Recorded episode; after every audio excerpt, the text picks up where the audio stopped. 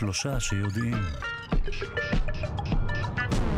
שלום לכם, קורונה. נשים מחוסנות לא סובלות יותר מלידות מוקדמות בהשוואה לנשים שאינן מחוסנות. כך עולה ממחקר ישראלי חדש. מיד כל הפרטים. שוב שלום לכם, אנחנו שלושה שיודעים בכאן תרבות. אנחנו תוכנית המדע והידע של ישראל. אני דודו ארז ואנחנו עם כל המחקרים, כל הפיתוחים המדעיים והטכנולוגיים וכל מה שבאמת מעניין לדעת. אנחנו משודרים בכל יום בשבע בבוקר ובשידור חוזר בשמונה בערב במשך שעתיים, ובתוכנית היום בין היתר נעסוק בעניינים האלה. ילד ישראלי בן תשע מת בשבת כתוצאה מצריבה של מדוזה ארסית בקופנגן בתאילנד, מיד על המדוזה המסוכנת שככל הנראה גרמה למותו של הילד. וגם, החיסון מפני קורונה לא מגדיל את הסיכון ללידה מוקדמת, כך עולה ממחקר חדש שנערך במרכז הרפואי שערי צדק בירושלים, מחקר בו נבדקו אלפי נשים בהיריון שקיבלו את החיסון בשליש השני והשלישי של ההיריון. מיד. וגם, חוקרים באוניברסיטה העברית גילו שיש 30 תרופות בשוק שיש להן פוטנציאל לרפא חולות רט. מיד כל הפרטים, וגם לראשונה בעולם תועדה הקורונה האמצעית של השמש, וגם בשבטים נידחים המוח מזדקן לאט יותר, משום מה, בהשוואה לאנשים בני אותו גיל במערב, משום מה, מיד נבדוק אם זה משום מה. אתר ארכיאולוגי בן 1,500 שנה התגלה ברמת השרון, ועוד הרבה עניינים אחרים. העורך שלנו רז חסון, המפיקה היא אלכסנדר לויקר, על הביצוע הטכני די.ג'י אלון מקלר, תודה רבה ליגאל שפירא שמלווה אותנו, אתם ואתן מוזמנים ומוזמנות להצטרף לקהילה הרשמית של שלושה שיודעים בפייסבוק.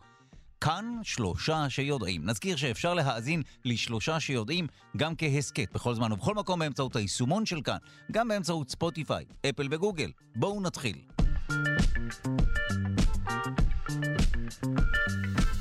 ילד ישראלי בן תשע מת בשבת כתוצאה מצריבה של מדוזה קטלנית ארסית בקופנגן בתאילנד. על פי הדיווחים מדובר בצריבה של מדוזה קובייתית או בצירת הים שנפוצה מאוד באותו אזור בין החודשים יולי לאוקטובר. שלום לדוקטור הדס לובינבסקי קניפל, ביולוגית ימית וחוקרת במכון לחקר ימים ואגמים. שלום. שלום וברכה. מה אנחנו יודעים על צירת הים, מדוזה מהקטלניות שיש? אמ, כן, אמ, אמרת נכון, המדוזה הזאת היא באמת אה, קטלנית, היא אמנם לא החיה הכי ארסית בעולם, אבל בהחלט נמנית עם אמ, עשרת החיות אולי המסוכנות ביותר, הארסיות ביותר אה, לאדם, אה, כאשר צריבה שלה עלולה לגרום למוות אם אנחנו לא מגיעים מהר לבית חולים כדי לקבל טיפול. למעשה הערס שלה גורם ל... הוא גורם, הוא יוצר חורים בתאי הגוף והוא גורם לדליפת אשלגן מהתאים, ואז למעשה יש קריסה של המערכת אה, לב-ריאה. אה, אם וואו. אנחנו, נצ... כן, אם אנחנו נצרבים בשטח גדול אה, אה, מהגוף שלנו, אה, כלומר, הרבה זרועות ציד של המדוזה פגעו בנו, אזי הפגיעה היא יותר קטלנית. אז אם אנחנו מדברים על ילד קטן, שהשטח גוף שלו אה, קטן בהשוואה לאדם מבוגר, אז על אחת כמה וכמה הפגיעה היא יותר אה, קטלנית, ולצערנו זה מה שקרה ככל הנראה במקרה האחרון ש... שמענו עליו. עכשיו, ההרס הזה הוא מה? הוא תערובת של חלבונים שבסופו של דבר מחוררים את התאים שלנו, כפי שהזכרת באמת את תעלות האשלגן, שאנחנו מדברים עליהן מדי כמה תוכניות, שגם בין היתר מסייעות לנו בהעברה חשמלית של אה, חשמל בין התאים וכולי. אז כל הדבר הזה... אה, קורס. קורס, קורס. וואו. כן, כן, כן. אכן, אה, הרס זה תערובת של מורכב מחלבונים שונים, ובאמת במקרה הזה מאוד מסוכן. לא תמיד, אה, כמובן, הצריבות האלה גורמות אה, למוות, אבל הרבה פעמים אנחנו מקבלים, אה, זה גורם לכאבים חזקים בכל הגוף, לעוויתות, לצריבות חזקות בעור, להזעה, ללחץ דם גבוה, ופגיעה מאוד לא נעימה, הצריבה הזאת. עכשיו, הצריבה הזאת, היא, היא מוזרקת אלינו, הרעל עצמו, ההרס, ליתר דיוק, מופרש ל, לים ואז פוגש אותנו? איך הדבר הזה מגיע אלינו לגוף? אה, ברוב המקרים, אה, כאשר אנחנו נתקלים בזרוע של מדוזה, שלרוב הן מאוד דקות ושקופות ואנחנו לא רואים אותן, למעשה משתחררים עלינו מאות אלפי, בבת אחת, מאות אלפי מחטים מיקרוסקופיות, שמכילות ארץ, פשוט מחוררות לנו את האור שלנו. אז אם בכל זרוע יש לנו בערך קרוב לחצי מיליון תאים, אה, תאים צורבים שמכילים אומנם אה, כמות מאוד מזערית של ארס, אבל כאשר כמות כל כך גדולה של תאים משתחררת בבת אחת לתוך הגוף שלנו, אנחנו מקבלים את הפגיעה הקשה הזו. עכשיו, אה, קצת מוזר כי מדוזה זה יצור יחסית פשוט, נכון? מבחינת ה... איך, הוא נראה כן, משהו, כן, או לפחות כן, נשמע שהוא בסיסי. מבחינ... נכון, מבחינת המבנה שלה זה בעל חיים מאוד פשוט, וזה בעל חיים שבמהלך כל שנות האבולוציה לא אה, השתנה. אנחנו מוצאים מאובנים ממדוזות מלפני כמעט 500 מיליון שנה, והן נראות בדיוק כמו שהן נראות וואו. היום. כלומר, המדוזה היא יצור מושלם מבחינת התפקוד שלו, אוקיי? לא היה לו לאורך כל השנים צורך בלשנות את, ה, את המבנה שלו ואת התכונות שלו, מכיוון שהוא מותאם בדיוק. יצור פשוט, שתי שכבות גוף, אה, אין איזושהי מערכת אה, עצבים מרכזית, אנחנו, יש קצת תאים שנקראים מעין עיניות שקולטות אור וצל, אין למערכת מוח מרכזית, יותר תאי עצב שמקשרים אחד עם השני, תאי עצב יותר נכון לומר. וואו, וכנראה ששוב, הקלף החזק הוא ההרס, שבזכותו היצור הזה לא צריך להשתנות אפילו. כן, במקרה הזה כן. וואו, עכשיו, השם האחר הוא מדוזה קובייתית קימה, כי היצור הזה נראה כמו קובייה עם אה, זרועות. כן, זה מחלקה במערכת הצורבים. אה, יש לנו את המדוזות שוחך, זה אותן מדוזות שאנחנו מכיר, מכירים מהחופים שלנו, אותה חוטית נודדת, שאנחנו הנציג הכי בולט שלה בחופי הים התיכון מדי קיץ, והמחלקה הזאת נקראת... אה, מדוזות קובייתיות בגלל שהמבנה של הפעמון שלהם, של הגוף, למעשה מזכיר אה, צורה של קובייה עם זרועות אה, ציד שקופות ומאוד מאוד ארוכות, שלושה מטרים, זה המון. עכשיו, את הזכרת באמת את החוטית הנודדת, מדוזות שאנחנו מכירים כאן, גם הן מסוגלות לפגוע בנו עד כדי מוות או שלא? אמ, לא ידוע לנו על מקרי מוות מחוטית נודדת. אנחנו יודעים שיש אנשים שהם יותר אלרגיים לארץ שלה, ובאמת אנחנו רואים אה, אה, מדי שנה אנשים שנצרבים ומגיעים עם כוויות מאוד קשות אה, לבית חולים, אבל ממש לא מתקרב לסכנת מוות. יש מה לעשות עם צירת ים כזו איכשהו מחדירה אליי את ההרס הזה, או שזה כמעט אבוד? לא, זה לא כמעט אבוד. כמובן שיש הרבה יותר צריבות אה, מדי שנה של המדוזו הזאת מאשר הדיווחים אה, על מקרי מוות. אמ, אבל כאשר אה, אה, הצריבה הזו מתרחשת במקומות אה, נידחים, בחופים שאין בהם מערך הצלה mm. ראוי ומסודר, אז, אז התוצאה לרוב היא, היא קטלנית. ושוב, כאשר מדובר בצריבה שזרוע ציד שלמה או כמה זרועות ציד פוגעות בך, וכאשר כמובן אם הנצרב הוא צעיר, אז הפגיעה היא קשה. אבל הרבה פעמים חומץ, במיידי לשפוך עליו שמנטרל את, ה, את ההרס, ופינוי אה, לבית חולים אה, פותר את הבעיה. וואו, אה, מה יצור כזה אוכל? האם הוא נודד ממקום למקום? זאת אומרת, הנה אנחנו מתבשרים שהיצורים האלה, או צירעת הים, זה משהו שלא תמיד נמצא שם בחופים. מדוזה כל מדוזה, ולא משנה מאיזה סוג שדיברנו עליו, יש לו מחזור חיים שבשלב הראשוני, שהוא לא בצורה של המדוזה שאנחנו מכירים, הוא נמצא בתור, אה, הוא, הוא, הוא ישיב אי שם בקרקעית הים. זה מחזור החיים שלו. אז זו הסיבה שאנחנו לא רואים כל השנה חוטית נודדת, וזו הסיבה שגם באותם אזורים, מיולי עד אוקטובר, אין כל הזמן את צירעת הים. אז זה קשור למחזור החיים. רוב המדוזות הן בעלי חיים טורפים, הארס משמש אותם מצד אחד לתפיסת מזון ומצד שני להגנה. אז בעזרת התאים הצורבים הם תופסים את הטרף שלהם. הטרף שלהם הוא כגודל הגוף, לרוב זה או אה, דגיגונים קטנים או פלנקטון אחר קטן, אה, או שוב, בהתאם לגודל שהיא יכולה להכניס לתוך הגוף שלה ולעכל אותו. וואו, טוב, תודה לך uh, על ההיכרות ש... שערכנו עם אותה מדוזה ארסית uh, בנסיבות קשות במיוחד, בנסיבות אסון זה. שוב, ילד ישראלי בן תשע שמת בשבת כתוצאה מצריבה של מטוזה כזו, עליה אנחנו מדברים בקופנגן בתאילנד. תודה רבה לך, הביולוגית הימית, דוקטור הדס לובינבסקי קניפל, חוקרת במכון לחקר ימים ואגמים. תודה. תודה רבה.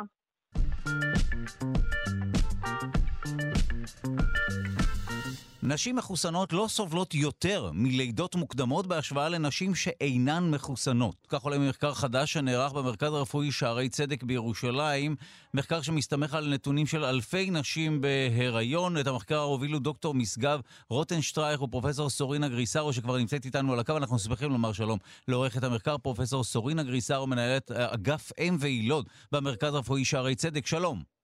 שלום, שלום, בוקר טוב. אז למדי אותנו מה בדיוק חיפשתם במחקר ומה מצאתם. מטרת המחקר הייתה בעצם להעריך את התופעות של החיסון, החיסון כנגד קורונה, החיסון של פייזר, אה, לעומת נשים, בנשים בהיריון, לעומת נשים שלא חוסנו.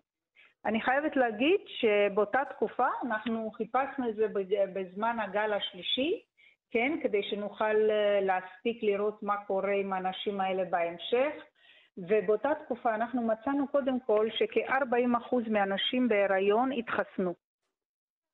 אה, שזה די דומה לאחוז הארצי באותה תקופה, וככל שתקופה, שככל שהתקדמנו בזמן, אחוז, האחוז המצטבר של נשים שמתחסנות עלה, כאשר בחודש מאי כבר 60% היו מחוסנות עם שתי מנות.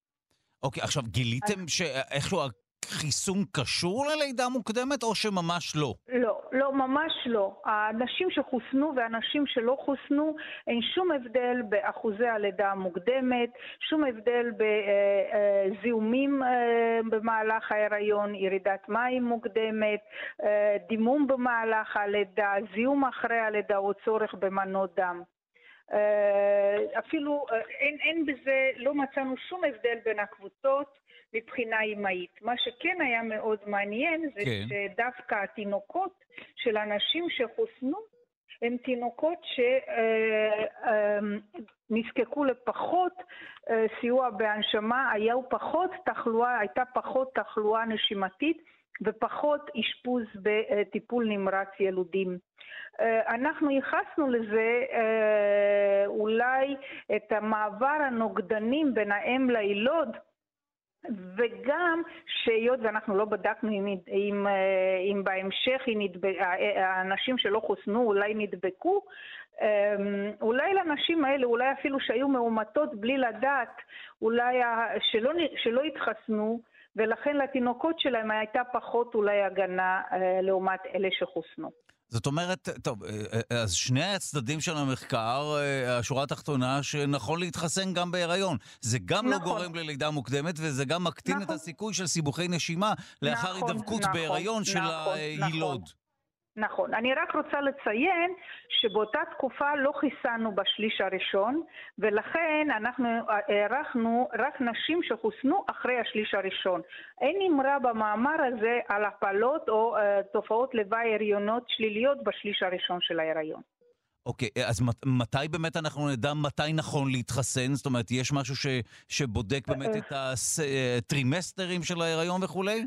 אני חייבת להגיד שיש. אה, הופיע החודש מאמר אמריקאי ב-New England of Medicine, שהוא בעצם תומך בממצאים שלנו, כלומר, אומר שבשליש השני והשלישי אין סיכון לחיסון ואפילו ייתכן ויש לו יתרון.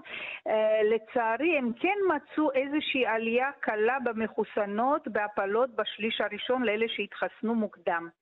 אה, קשה להגיד, קשה להעריך עוד את התוצאות וצריך להתייחס לזה בזהירות. זאת אומרת שכן נמצא... אה, ש... לא במחקר שלנו, אבל לא מחקר שלכם, אמריקאי אבל... שפורסם עכשיו, ממש עכשיו. לכך שבטרימסטר הראשון של ההיריון, בחודשים הראשונים, מי שמתחסנת... בשליש זה... הראשון, כן. בשליש הראשון. הייתה איזושהי עלייה ב, אה, באחוז ההפלות. עוד פעם, קשה מאוד לייחס את זה, קשה מאוד לייחס את זה לחיסון. אה, צריך עוד לעכל קצת את התוצאות של המחקר הזה, ולכן אה, קשה לדבר על השליש הראשון, אבל בוודאי בשני ובשלישי נראה שהחיסון לא קשור לתוצאים שליליים על ההיריון. זאת אומרת, גם מי שמקפידה מאוד אה, וכולי, כן נכון להתחסן בטרימסטר נכון, השני וה... נכון, או השלישי. נכון.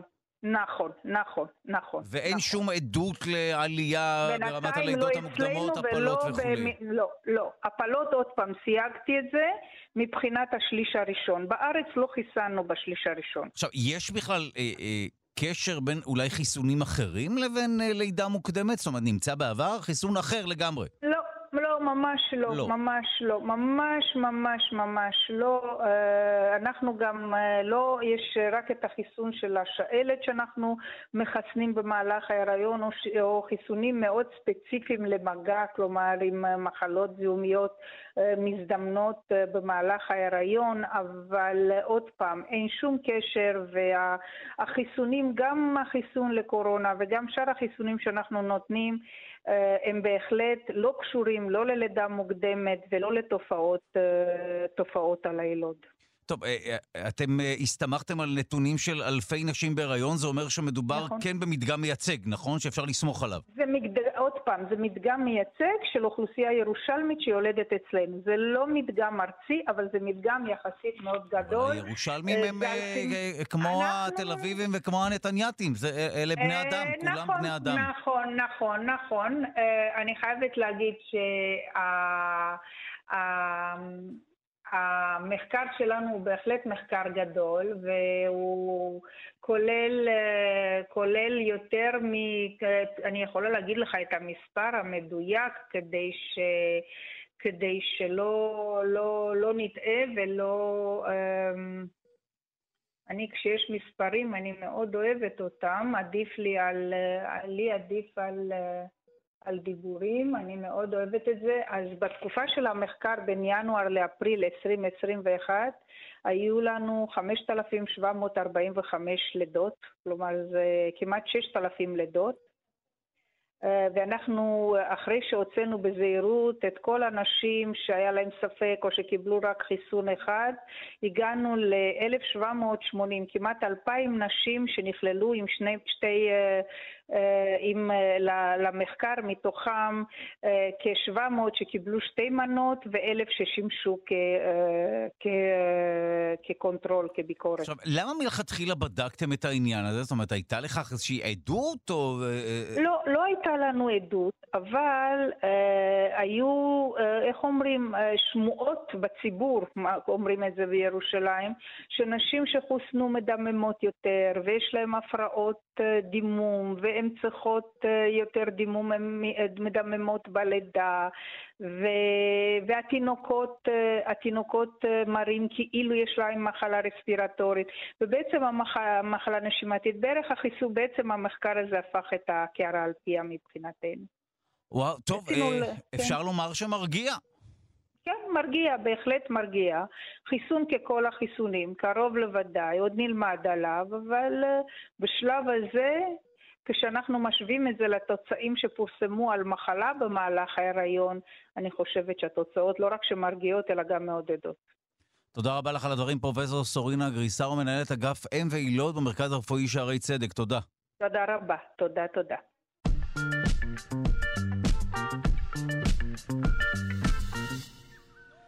בשבטים נידחים המוח מזדקן לאט יותר, כך עולה ממחקר חדש שנערך על ידי צוות חוקרים בינלאומי. והצוות חקר שבט שחי באמזונס בבוליביה וגילה שהמבוגרים של השבט פחות לוקים בניוון מוחי בהשוואה לבני גילם האמריקאים והאירופים, וגם שהירידה בנפח המוח שלהם עם הגיל, דבר שיכול להוות אינדיקציה להתפתחות דמנציה איטית ב-70% בהשוואה לאוכלוסיות המערב.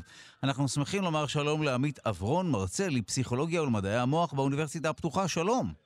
שלום, שלום, בוקר טוב. טוב, כאן מדברים ככותרת או כהכללה גסה בשבטים נידחים. פה מדובר ספציפית בשבט שחי באמזונס. אה, מה, מה בדיוק אה, מצאו החוקרים במחקר, ואז ננסה להבין איך זה יכול להיות. כן, קודם כל, אז בואו נתחיל מהשורה התחתונה. קצב הניוון או הצמצום בנפח המוח אצל אנשים מבוגרים, החל מגיל 40, הוא בערך שישה וחצי אחוזים בעשור. כלומר, כל עשור אנחנו מאבדים נפח של שישה, שישה וחצי אחוזים מנפח המוח שלנו. ככה זה באוכלוסיות המערב, בדקו את זה בגרמניה, בארצות הברית ובאוכלוסיות מערביות אה, תעשייתיות, בוא נגיד ככה. בשבט הספציפי הזה, שנקרא צ'ימאנה בבוליביה, אה, העריכו את אה, נפח המוח שלהם מגיל 40 ועד גיל 90, אה, כלומר לקחו אוכלוסייה ייצוגית לכל uh, הגילאים, ומצאו שהקצב הזה הוא רק 2.2 אחוז. כלומר, ב-70 אחוז יותר איטי, uh, ניוון המוח שלהם, שהוא תופעה בלתי נמנעת, תוצר לוואי של ההזדקנות, הוא בקצב הרבה יותר איטי. עכשיו, כשאנחנו מדברים פה על ירידה בנפח המוח, זה בהכרח מעיד על זה שאנחנו פחות חדים? זאת אומרת, מה המשמעות הפרקטית של זה? המשמעות הפרקטית היא שהניוון, שברגע שהקצב הזה הוא חד מאוד, אז יש גם יותר סיכון לדמנציה, ירידה mm. קוגניטיבית ושאר מחלות נתוניות של, של המוח. וכאן המוח של הצ'ימאנה, אותם צ'ימאנה שתכף נדבר על אורחות החיים שלהם ובעצם מה מאפיין אותם, אה, מתנוון בקצב הרבה יותר איטי, ובאמת יש ביניהם מעט מאוד מקרים של דמנציה, פרקינסון, אלצהיימר, אה, מחלות של ניוון מוחי. אבל הם מגיעים לגיל מבוגר? אני תוהה כי לא, הרי... לא, הם לא מגיעים לגיל מבוגר. אה. אה, יש אצלם בעיה אחרת, מכיוון שהם נמצאים במעבה הג'ונגל הבוליב... הבוליביאני, ואין להם גישה למים טריים, ואין להם גישה לבתי חולים, העיר הקרובה ביותר נמצאת שעתיים, סליחה, יומיים נסיעה בסירה mm. ובאוטובוס, אז הגיל הממוצע שם, תוחלת החיים היא 55 לגברים. ויש להם הרבה בעיות של זיהומים, פרזיטים במים וכן הלאה. אבל בגלל שאורח החיים שלהם הוא מאוד פעיל פיזית, והם אוכלים רק מזון טרי, שמבוסס על ירקות שורש שהם קוטפים שם וחקלאות מקומית, ודייג, אה, בריאות הלב שלהם נחשבת לטובה ביותר בעולם. העיתון לנסט ב-2017 קבע שזאת האוכלוסייה בעלת בריאות הלב הקרדיו-וסקולרית, הלב והעורקים, הטובה ביותר בעולם, מכל אוכלוסייה שנבדקה אי פעם. וזה אומר לחץ דם אה, נמוך גם בגיל מבוגר, וזה אומר כולסטרול מאוד מאוד נמוך, וזה אומר שהם הולכים 15 אלף צעדים ביום, יחסית ל-5,000 או 6,000 במערב, אה, ובריאות הלב הטובה שלהם כנראה מקרינה על בריאות מוח טובה. מה שמראה לנו שוב את הקשר בין כושר גופני טוב ופעילות גופנית לבין בריאות מוחית. כן, אה, אני כמעט בא לי לומר לצערי, זאת תמיד ההוכחה לכך שבאמת זה הדבר הנכון לעשות ספורט, אבל בוא נשוב לשבט הזה. אז רגע, הם מתים בממוצע בגיל 55, ובכל המעטים ששורדים את הגיל הזה ומגיעים לגיל מבוגר, אז אה, איכשהו אה, המוח שלהם פחות מתנוון? נכון, בדיוק ככה. אז, אז זה לא חוכמה, כי יש שם סלקציה אכזרית. 700 איש בשבט הזה, ש... אה, החל מגיל 40 וכלה במעט, המתי מעטים שהגיעו לגיל 90 ומעלה. Mm, אבל אולי זה, הזה. מי שהגיע לגיל מבוגר הוא... מי שהגיע לגיל מבוגר הגיע לגיל מבוגר במצב טוב, גם קרדיו-וסקולרי אה. וגם מוחי ומנטלי. טוב, בוא, בוא בכל זאת, גם אם אה, אפשר לבקר את המחקר, או את, אה, כמובן, שאני משער שאנחנו במערב חיים הרבה יותר בממוצע אה, מהם, נכון. אבל בכל זאת בואו ננסה לחלץ תובנות מהמחקר. אז מה. אורח החיים שלהם, מלבד מה שהזכרת? אורח החיים שלהם הוא הסתמכות מלאה על כלכלה מקומית. הם לא נוסעים לסופר, הם לא הולכים למכולת, הם קוטפים, הנשים עוסקות בליקוץ מזון מהקרקע, בדרך כלל זה תפוחי אדמה, תירס, פפאיה, מנגו, מה שצומח באזור, חקלאות מקומית או אפילו לקטות, והגברים יוצאים למסעות ציד קצת יותר ארוכים או לדייג. כלומר, הם מאוד מאוד פעילים גופנית, הם חיים בחיק הטבע, הם חיים בקהילות קטנות, כפרים של 100-200 איש, לא יותר מזה. אה, אוכלים הרבה מאוד פחמימות עם, אה, וחלבונים, 70% פחמימות, 20% חלבונים, ובעצם המזון הזה, ויחד עם הפעילות הגופנית הבלתי פוסקת שלהם, ולא לא מדובר כאן על ריצת מרתון, אלא פשוט על אה, אורח חיים אקטיבי מאוד. מביאה לה אה, את בריאות הלב שלהם להיות באמת ברמה מקסימלית, וכמו שאמרתי, הם אה, הוכתרו כבעלי בריאות הלב הטובה ביותר מכל אוכלוסייה שנבדקה אי פעם. ב-2017 יצא מאמר כזה בלנסט, וזה מה שמביא כנראה, הבריאות הלב מביאה לבריאות טובה יותר של כלי הדם במוח. כי גם כלי הדם במוח היא חלק מהמערכת הקרדיו-וסקולרית שלנו, חלק ממערכת העורקים שלנו, זה אספקת כלי הדם. מה שמביא לניוון היותר איטי, כמו שאמרתי, ב-70% קו יותר איטי של נסיגה בנפח המוח של בני הצ'ימאנה יחסית לאנשים בני גילם במערב. זאת אומרת, זה מחקר שמחזק את הקשר בין הלב, איכות כלי הדם והלב, למוח עצמו. בדיוק, וזאת חרף העובדה שהם סובלים מהרבה זיהומי מעיים וזיהומי ריאות ואין להם גישה לרפואה מודרנית. הלקח הוא לאדם המערבי לדעתי זה שאנחנו יכולים ליהנות משני העולמות, נכון? אנחנו גם אה, נגישים לשירותי רפואה מערביים מודרניים, אבל גם יכולים להיות פעילים גופנית ולהשתמש, לאמץ תזונה כמו של שבט הצ'ימאנה. זאת אומרת, אם אני רוצה לחיות על... כמו השבט הזה, אני צריך לגור פחות או יותר במושב ולעשות הרבה ספורט. נכון, ואז נכון, אני אאריך חיים. נכון, ולהחזיק את הגינה הקטנה שלך ומדי פעם לצאת לנחל ולדוגדגים. שמע, זה לא יקרה, אה, כנראה, אבל, אה, אבל מאוד מעניין. שוב, נזכיר שבממוצע הם חיים הרבה פחות מאיתנו, אני משער שיש לנו דרך להאריך חיים באמצעות תרופות ולנטר את עצמנו בצורה הרבה יותר יעילה, לטפל נכון. בעצמנו בשלל אה, מחלות שתוקפות אותנו. 55 זה לא גיל טוב למות לא, בו, לא. אבל אה, אורח החיים שלהם הוא כזה שמי שכן שורד אה, את ה... את שאר הפגעים, הוא כנראה כן עושה טוב. גם חי טוב מבחינה גופנית, וגם המוח שלו יחסית לגילו פחות מכווץ, פחות מתכווץ, פחות מתנוון. כלומר, אה, שומר על עצמו, נקרא לזה, בגיל ביולוגי צעיר יחסית. תגיד, אנחנו אה, בדרך כלל באמת בשבטים כאלה נהוג להתייחס לזקן השבט כאדם החכם ביותר.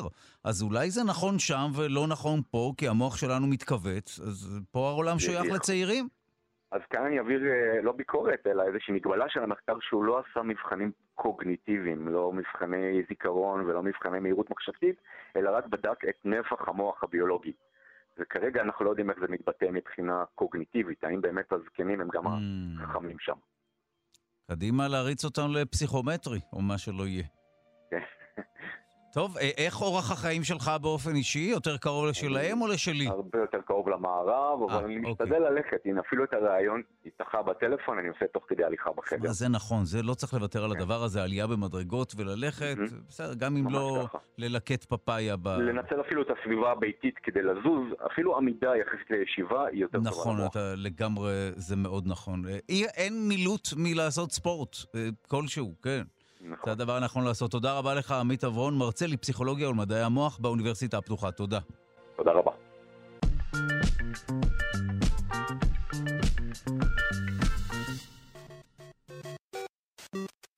ובמסגרת פינת המחשבים נעסוק בפרצת אבטחה שקשורה לעכבר שלנו. שלום ליועץ הבכיר למחשוב ואבטחת מידע, רועי בינדרמן, שלום. שלום וברכה. אפשר להיכנס לנו למחשב, לפרוץ למחשב גם דרך העכבר? כן, קודם כל אה, אפשר לפרוץ למחשבים מהמון המון כיוונים. אם למשל אה, נעשה הדמיה של המחשב נגיד לבית, לדירה, אז אה, יש, אתה יודע, הרבה אופציות, מהחלון, מהדלת, לשבור את התקרה וכולי וכולי. כל שיטה יש לה, אתה יודע, את ה... מה שנקרא, את, ה, את המחיר שלה, את הזמן שלה. כמובן שלהיכנס למשל דרך הדלת יותר קל מאשר לעשות חור בתקרה לצורך העניין, אבל בגדול הכל אפשרי. אנחנו גם צריכים תמיד לזכור, כשאנחנו מדברים על, על המחשב שלנו, אז הוא מחולק בעצם בגדול בגדול לשני ממדים, המימד הפיזי, שזה החומרה, והמימד הווירטואלי, שזה מערכת ההפעלה, ובגלל שמודבקים שני מימדים יחד, אז uh, זה רק מגדיל, מה שנקרא, את, uh, את, ה, את כמות הפרצות ו, ו, ו, והיכולת והסיכויים. והפעם מדובר אגב על, על יכולת uh, בציוד שלמשל uh, מאזיננו היותר צעירים או מאזיננו הגיימרים יבינו מיד על מי אני מדבר, לחברה קוראים רייזר, והיא אה, אחת החברות הכי גדולות בעולם המחשב שמייצרת ציוד לגיימינג, ממקלדות, דרך עכברים, אה, דרך כל מיני אה, חומר, חומרות, אתה יודע, הגה, סטיקים וכולי וכולי. בשנים האחרונות באמת, מה שנקרא, השתלטה די בלעדית על, על עולם החומרה של גיימרים, אה, ומה שעלה לאחרונה, אה, איזשהו חוקר שהוא gamer גילה את זה, שכשאתה מחבר את הציוד שלהם למחשב, אה, אתה צריך גם להתקין דרייברים שלהם, כי זה לא עובד, מה שנקרא, כדי לקבל את כל הפיצ'רים ש Razer נותנים לך עבור gaming. אני לא מדבר על תפקוד עכבר מקלדת כמו שאני ואתה משתמשים, אלא מה שגיימרים רוצים, אז אתה צריך להתקין דרייברים שמכילים כל מיני יכולות שלהם. ומה שקורה זה שברגע שמתקינים את הדרייבר, אז, ואחרי זה יש תוכנה שלהם. במידה ולמשל אתה משנה את הנתיב. נתיב ברירת המחדל של התקנת התוכנה, זה נותן אופציה אה, להשתלט על המחשב עם הרשאות גבוהות של, של אדמיניסטרטור, ומפה בעצם אה, גם לנהל את המחשב וגם, אה, וגם אה, אתה יכול להתקין עוד תוכנה. והפרצה הזו היא מאוד בעייתית, מכיוון ששוב פעם, היא בעצם משתמשת בנתיב או ביכולת שהיא סופר לגיטימית של חברה מוכרת וידועה שאנשים קונים את התוצר שלה ומתקינים אותו מבלי לדעת שזה יכול להיות מסוכן, והאקרים בעולם, האקרים רעים כמובן, אה, יכולים לנצל את הדבר הזה, אה, ולהתקין בנוסף לתוכנה שלהם, תוכנה אה, שנותנת להם יכולת להשתלט על המחשב, ומשם, אתה יודע, או להשתמש בו כבשלהם, או לקחת חומר. העולם הזה גם כן הוא מאוד, איך נקרא לו, הוא מאוד מגוון, כי כשפורצים למחשב אפשר לעשות כל מיני דברים, אפשר להשתמש בו על מנת לעשות דברים בתור צד שלישי, זאת אומרת לעשות דברים שאתה לא רוצה לעשות במחשב שלך דרך מחשב אחר, מה שנקרא בוט, אוקיי? ואפשר כמובן לגנוב מידע, להצפין מידע ולדרוש כסף, כל, כל הנושא הזה של ענייני כופרה, ransomware וכולי. Uh, החומרה של הממצא היא גבוהה פעמיים בעצם, פעם אחת כי התוכנה בכלל מאפשרת אה, לעשות כל מיני מניפולציות בהרשאות גבוהות. פעם שנייה, התפוצה והכמות, רייזר זו חברה ענקית, עולמית, התוצרת שלה נמכרת ברחבי העולם כבר המון המון שנים, אה, וזה לא, לא מדובר במשהו איזוטרי שאתה יודע, אה בסדר, איזה אלף משתמשים על כדור הארץ, לא נורא, נספוג את זה. מדובר על מיליוני משתמשים, אה, חברה שהיא מאוד בכותרות, שוב, כל מי שגיימר יודע מיד על מה מדובר, אה, ולכן מדובר בפרצה חמורה. אה, שוב פעם, הדברים האלה קורים, אה, זה נכון שאני, מה שנקרא, מתעניין בדברים האלה כל הזמן, אבל זה לא, לא ייאמן קצב התגלית או הגילוי של חולשות ופרצות, זהו, האמת שאמרת כן. משפט חשוב, כי אה, זה קצת מזכיר פריצה לבית. אני זוכר שכשפרצו לי לבית והתחלתי להתעניין בתחום, אז אתה מגלה, אתה הופך להיות אה, קצת פרנואיד בכל מה שקשור כן. לחדירה לבית, אבל יש איזשהו קו אה, ש, שאתה אומר, אוקיי, אז יש פה קצת צורגים, קצת זה, ו, ו, ו, וזה מה שיש, ועם זה ננצח. אבל זה, אבל זה נשמע שהפורצים למחשבים הם אפילו עוד יותר יצירתיים מפורצים לדירות. אה, קודם כל הם יותר יצירתיים, שנית, העולם הזה, אל תשכח, הוא עולם וירטואלי ברובו, ולכן בעצם מימד ה, המימד הפיזי ומימד הזמן הוא פחות חשוב, זאת אומרת, אני יכול לפרוץ, אם נלך באמת לאנלוגיה הזו, אני יכול לפרוץ לבתים בקוריאה כשאני בכלל נמצא בניו יורק, או ההפך. אני יכול לפרוץ לבתים בניו יורק כשאני נמצא בקוריאה, אני לא באמת צריך לטוס לניו יורק בשביל זה. עכשיו, בלי שום קשר, או עם קשר, גם העולם הזה של מחשב היום הוא כל כך הוא עולם מה שנקרא של multiple variants. המון תוכנות, המון יכולות, הרבה דברים. אנחנו לא עומדים בקצב אה, של, של המחקר של חולשות, ויש גם תמיד, יש משהו, אתה יודע, ב, אפילו בתורת המלחמה של שון תצו הסיני, שאומרת, חזקה לאויב שיפרוץ, התוקף תמיד יהיה לפני, לפני המגן, תמיד. כי הוא, כי הוא, הוא, הוא תמיד מפתיע, הוא תמיד, הוא תמיד צעד קדימה, אין מה לעשות. מעט מאוד מקרים בהיסטוריה של הגנה הצליחה למנוע את ההתקפה לפני שהיא קרתה. בדרך כלל יש התקפה, אצלך או מה שנקרא אצל מישהו אחר, אתה מה שנקרא מבין את העניין, ואז אתה, ואז אתה מ, מ, אה, מייצר קו הגנה. ו, ו, ופה אנחנו באמת חיים באותו עולם שאנחנו על פי רוב חיים קודם כל את ההתקפה, לא משנה אם היא קרתה לנו או למישהו אחר, אבל אנחנו רואים קודם כל מתקפה או יכולת שמישהו אה, גילה ופיתח, ואז אנחנו אומרים, אה, אוקיי, צריך, אה, צריך להגן בפני זה, ומתחילים לחפש איך להגן. לפעמים זה לוקח שעות, או ימים נגיד, בחברות הגדולות שיודעות אה, מה שנקרא לשפוך 20 מהנדסי תוכנה שיתקנו את זה, ולפעמים זה לוקח אה, שבועות ארוכים, כי לא כל כך מבינים מה מנגנון הפגיעה ואיך בדיוק הפרצה עובדת וכולי. אין ספק שעולם מורכב. אני לא חושב שצריך להיות פרנואיד במידה רבה, אבל בהחלט צריכים להיות מודעים, ובהחלט לא צריכים לסמוך על המזל, זה, זה בוודאות לא.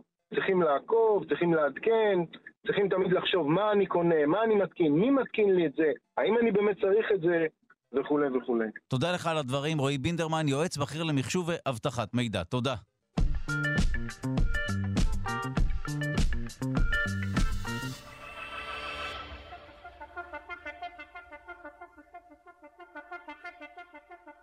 ועכשיו מחקר חדש שעוסק גם בגנטיקה וגם בדיכאון, הגנטיקה של הדיכאון. שלום לדוקטור נועה בלדה ממרכז סגול למוח ותודעה, המרכז הבינתחומי הרצליה, שלום. שלום. זה אומר שיש צד גנטי לדיכאון. כן, אה, בהחלט יש צד גנטי לדיכאון, כמו להרבה מחלות פסיכיאטריות אחרות, אבל אולי אני רק אבהיר כדי שזה יהיה ברור. אין, אין דבר כזה גן לדיכאון, זאת אומרת, אה, זה לא מחלה של גן בודד, זה לא שאתה יכול לעשות איזושהי בדיקה גנטית, ואם יש לך את הגן הזה, זה אומר שתהיה בדיכאון, ואם אין לך את הגן הזה, זה אומר שלא תהיה בדיכאון, אלא יש פה איזשהו מרכיב גנטי, אבל יש גם הרבה מרכיבים אחרים שמשפיעים על הסיכון שלך לפתח את המחלה, כמו למשל מרכיבים אה, סביבתיים ועוד כל מיני גורמים. ש- שזה יותר טריוויאלי, אבל כפי שאת אומרת, אם באמת נרד לעניין הגנטיקה, הרי בסופו של דבר הגנטיקה זו ספרייה שבאמצעותה אפשר, לי... הריבוזור מייצר חלבון. אז מה הקשר בין החלבונים לבין דיכאון? אז באמת אה, אפשר להתייחס לגנים שלנו באמת כאל איזשהו ספר אה, מתכונים שמכיל בתוכו את ההנחיות ליצירת כל החלבונים בגוף, כמובן גם במוח. אמ, אבל יש שם גם אה, הרבה גנים שהתפקיד שלהם זה לווסת כל מיני תהליכים שמתרחשים בגוף שלנו, וחלק מהגנים האלה, למשל, יכולים להשפיע על האופן שבו המוח שלנו מתפתח. זאת אומרת, להשפיע למשל על איך כל מיני חלבונים שהם קריטיים להתפתחות המוח, להתפתחות הנוירונים, ליצירת סינפסות, איך, איך כל התהליכים האלה מתרחשים למשל בתקופת ההיריון, או למשל בתקופת הילדות המאוד מוקדמת. ותחשוב שמספיק שחלק מהתהליכים האלה, או אפילו אחד מהתהליכים האלה, לא, לא לגמרי עובדים כמו שצריך, אז בעצם אה, יכול להיות שבהתפתחות המוח שלך, המערכת המוחית היא עובדת קצת אחרת, היא קצת יותר פגיעה לכל מיני השפעות סביבתיות, והדבר הזה בשילוב עם כל מיני גורמים אחרים שאתה נתקע בהם בחיים שלך, יכול לגרום בעצם למחלה להתפרץ, ופה באמת יופי שאמרת, חשוב לי להגיד, למקרה שיש עדיין איזשהו ספק, זה ברור לנו שדיכאון זאת מחלה אורגנית של המוח, כן? זאת אומרת, זה משהו שקשור לביולוגיה של המוח, כי פעם, אתה יודע, התייחסו לדיכאון ובכלל למחלות פסיכיאטריות כמחלות של הנפש, שלא בהכרח קשורות לביולוגיה שלנו. זה עדיין חלק מהחומרה, זו מחלה של החומרה. נכון, אז, אז אני אגיד, כי זה מאוד מאוד חשוב לדייק את הנושא הזה. דיכאון זה לא משהו שבן אדם ממציא, זה לא משהו ש... הוא לא ממציא, ודאי הוא לא אשם, יש לה סטיגמות וכולי, כן. זה, ש, זה שתגידו לו, נו, יאללה, צא מזה כבר, אל תהיה חלש, זה כמו להגיד לבן אדם חולה סרטן, יאללה, צא מזה כבר, אל תהיה חלש. זו מחלה אורגנית שקשורה לאיזשהו תפקוד לא תקין אה, של המוח, וכן, ויש פה, כמו שאמרנו, גם איזשהו מרכיב גנטי. אז מה באמת הבשורה הגדולה של המחקר הזה, שבו נבחנו גנים של אנשים רבים? אז הבשורה העיקרית שלו זה באמת הגודל שלו, זה מחקר שבעצם אה, הסתכל על הריצוף הגנטי של יותר ממיליון נבדקים, שזה מספר מטורף מבחינת אה, גודל המדגם. ולכן התוצאות של המחקר הזה זה תוצאות שאפשר לסמוך עליהן, כן? הרי ככל שהמדגם יותר גדול, ככה אנחנו אה, מניחים שהכוח של התוצאות הוא יותר חזק, ומה שהם עשו, הם בעצם לקחו באמת אה, נתונים גנטיים, כמו שאמרתי, משהו כמו מיליון שלוש מאות אה, נבדקים ונבדקות, ובדקו האם בתוך אותם מיליון שלוש מאות נבדקים ונבדקות, כאלו שסובלים מדיכאון, האם אפשר למצוא אצלם איזשהו מטען גנטי ספציפי, אה, ומצאו אצלם שלושה, ארבעה נקודות, אה, שלוש או ארבע נקודות על הגנום, ששם זיהו הבדלים לעומת כלל האוכלוסייה, ואז אנחנו יודעים שהמקומות האלה על הגנום, הגנים האלה, זה גנים שאפשר להתייחס אליהם כגנים שמעלים את הסיכון אה, להתפרצות של דיכאון. ואני אגיד עוד, עוד משהו גם מבחינת, נגיד, המשמעויות הקליניות או הרפואיות, אנחנו מדברים על דיכאון כאילו זה מחלה אחת, אבל, אבל דיכאון זה מצב שאפשר להגיע אליו מכל מיני מנגנונים שונים במוח, אמ, וזה כנראה גם מסביר למה אה, לא כל האנשים אה, עובדות עליהם התרופות נגד דיכאון, או יש תרופות נגד דיכאון. זאת אומרת שזה מין סימפטום או תוצאה של הרבה מאוד סיבות שיכולות להיות שונות. נכון, נכון. זאת אומרת, הדיכאון זה איזושהי תוצאה סופית, אבל מבחינת המחלה במוח, או מבחינת התהליך הלא נורמטיבי במוח, אתה יכול להגיע לשם בכמה מסלולים מבחינת המערכות המוחיות שמעורבות. ומה שיפה במחקר זה שכשאתה מוצא את הנקודות הגנטיות השונות האלה שמהוות סיכון לדיכאון, זה יכול לתת לך איזשהו רמז על התהליכים השונים במוח שקשורים לשאלה למה הגעתי למצב הזה של הדיכאון. ואני אומרת, זה עוד לא קורה היום, אבל אני חושבת שאנחנו נהיה שם בעוד כמה שנים. יכול להיות שבעתיד אתה, יהיה לך בן אדם שסובל מדיכאון, אתה תוכל לעשות לו איזושהי בדיקה גנטית, ולפי סוג הגן שיש לו שקשור לדיכאון, אתה תוכל להתאים לו איזשהו טיפול ספציפי, ואז אתה בעצם חוסך את כל התהליך שהיום הרבה חולי דיכאון עוברים, שאתה נותן להם תרופה וזה לא עובד.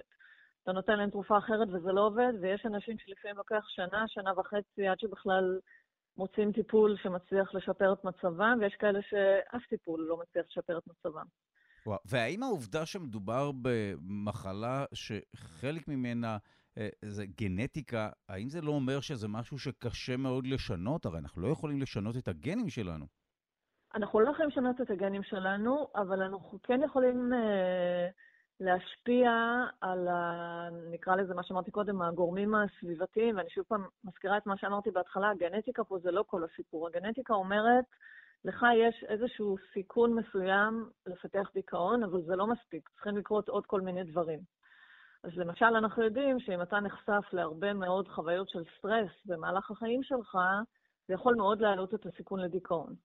ואז אני יכולה להגיד, אוקיי, אני, אני יכולה אולי לזהות אנשים שגנטית הם רגישים לדיכאון, אבל זה לא אומר שעכשיו זהו, אבוד להם והם אכלו אותה, אלא אני אומרת, אם האנשים האלה הם רגישים, אז בואו נעזור להם להתחזק. למשל, בואו נלמד אותם לנהל את הסטרס שלהם בצורה יותר טובה. בואו נדאג שכשהם גדלים ומתפתחים, הם מקבלים סביבה שתומכת בהתפתחות שלהם, סביבה חברתית, סביבה רגשית, ואז אתה בעצם מפחית את הסיכון, וזה, אתה יודע, זה, זה רפואה מניעתית היום. אתה יודע, מסתובבים גם בינינו אנשים שיש להם סיכון גנטי להתקפי לב ולשבץ מוחי ולעוד הרבה דברים, ואנחנו יכולים לעשות משהו עם זה. לא, לא צריך לחכות עד שזה יקרה, אפשר לחזק אותם כדי שזה לא יקרה. תודה רבה לדוקטור נועה בלדה ממרכז סגול למוח, ותודה, מרכז הבינתחומי הרצליה. תודה. בשמחה.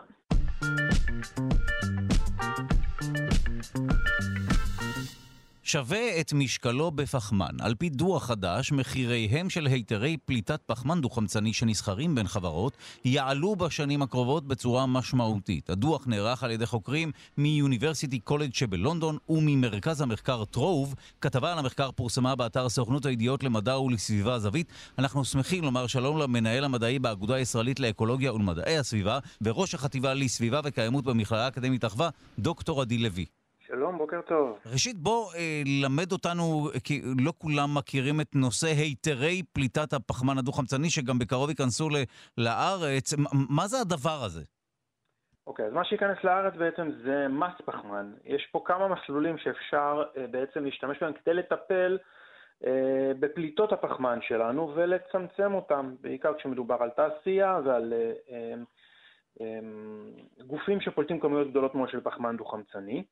אה, אז מס פחמן זה אופציה אחת, כמו למשל מס הבלו שיש על הדלק שלנו, אה, שמטרתו היא לא אה, לקשור את העניין לפחמן, אלא פשוט לגבות מיסוי על דלק, אבל באותה מידה אפשר לייצר מס, כמו שכנראה הולך להיות בעתיד הקרוב, מס על דלקים מזהמים, במטרה לייקר את מחירם ולהעביר את המשתמשים בהם לדלקים מבחינה סביבתית שטובים יותר לסביבה. אה, זאת אופציה אחת. אופציה שנייה אה, זה מה שנפוץ מאוד באירופה וגם במקומות אחרים בעולם היום, אה, ואלה בעצם היתרי פליטה. אז היתרי פליטה בעצם אמורים לייצר תמריץ כלכלי להפחתת הפליטות, פליטות הפחמן דו-חמצני, והם כוללים מכסות, לכל מפעל, חברה, יש מכסה שהיא מקבלת, וגם קנסות ואלמנט של סחר בקרדיט הפחמני שלהם. ומה זה אומר? בעצם יש מגבלות שמוטלות על חברות שפועלות בשוק, זה יכול להיות תעשייה, תעופה, לא חשוב איזה, באיזה תחום. ממשלות באירופה מטילות מגבלות, נותנות מכסה לכל, לכל מפעל כזה, לכל גוף, והמכסות האלה גם הולכות וקטנות עם השנים. ובעצם חברה שלא מצליחה לצמצם את הפליטות שלה באמצעות התייעלות אנרגטית, שימוש באנרגיות מתחדשות ואלמנטים נוספים שנדבר עליהם, מי שלא מצליח צריך לשלם קנס. זה למעשה, גדול. זו דרך להפנים עלויות, נכון? אם אני מפעל נכון. מזהם, אז זה צריך לעלות לי, כפי שאני מזהם, ומי ש... ואפשר כמובן, זה הופך להיות מין סוג של אה, כמו איגרת חוב, או איזשהו שטר כזה שאפשר לה... להעביר אותו בין חברה אחת למשניה, אבל בגדול המטרה היא להעניש במרכאות, או שמי שמזהם ישלם יותר, ובסופו של דבר גם יפסיק לזהם. נכון, אבל המטרה היא בסופו של דבר לאו דווקא להעניש, המטרה היא, יש פה או קנס או בעצם אפשרות להתקזז עם חברה אחרת שהייתה יעילה יותר, שנשארו mm. לה עודפים במכסה שלה, ובצורה הזאת אנחנו אה, בעצם, אה, הרגולטורים מייצרים אה, צורך בלתי פוסק לאותן חברות, לאותם גופים להתייעל כל הזמן, להמשיך ולהתייעל, להמשיך ולצמצם את פליטות הפחמן שלהם. אה, ומעבר אה, לחובה בעצם, למכסות החובה, יש גם אה, מה שנקרא מכסות וולנטריות, או, או היתרים וולנטריים שחברות לוקחות על עצמם, באות ואומרות, אנחנו מחליטים שנהיה ניטרלים פחמנית, נגיד עד שנת 2030, ואלה שלבי, ה, אה, שלבי הפעילות בדרך לשם, ובעצם חברות לוקחות על עצמן אה, אה, להפחית את הפליטות שלהם גם מעבר לדרישה הרגולטורית באותן מדינות.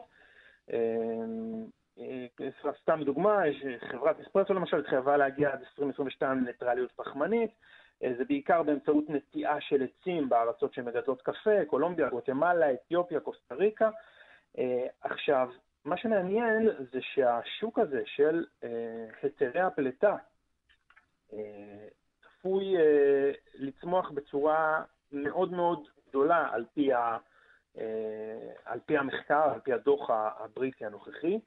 אה, אם כיום המחיר של טון פחמן הוא בין שלושה לחמישה דולר, וזה באמת נמוך מאוד ולפעמים אפילו לא לא, לא שווה אה, לחברות אולי לצמצם את הפליטות שלהן אה, מלבד מענייני יח"צ, כי העלות היא באמת נמוכה, אז הצפי הוא שהמחיר יעלה ל-20, בין 20 ל-50 דולר עד 2030, שזה ממש פה בקרוב, ואפילו עד ל-100 דולר בהמשך, לקראת 2050, אולי קודם, וזה גם בגלל ההפחתה הצפויה במכסות, המכסות האלה כל פעם מתכווצות, כל פעם הרגולטורים מצמצמים אותן.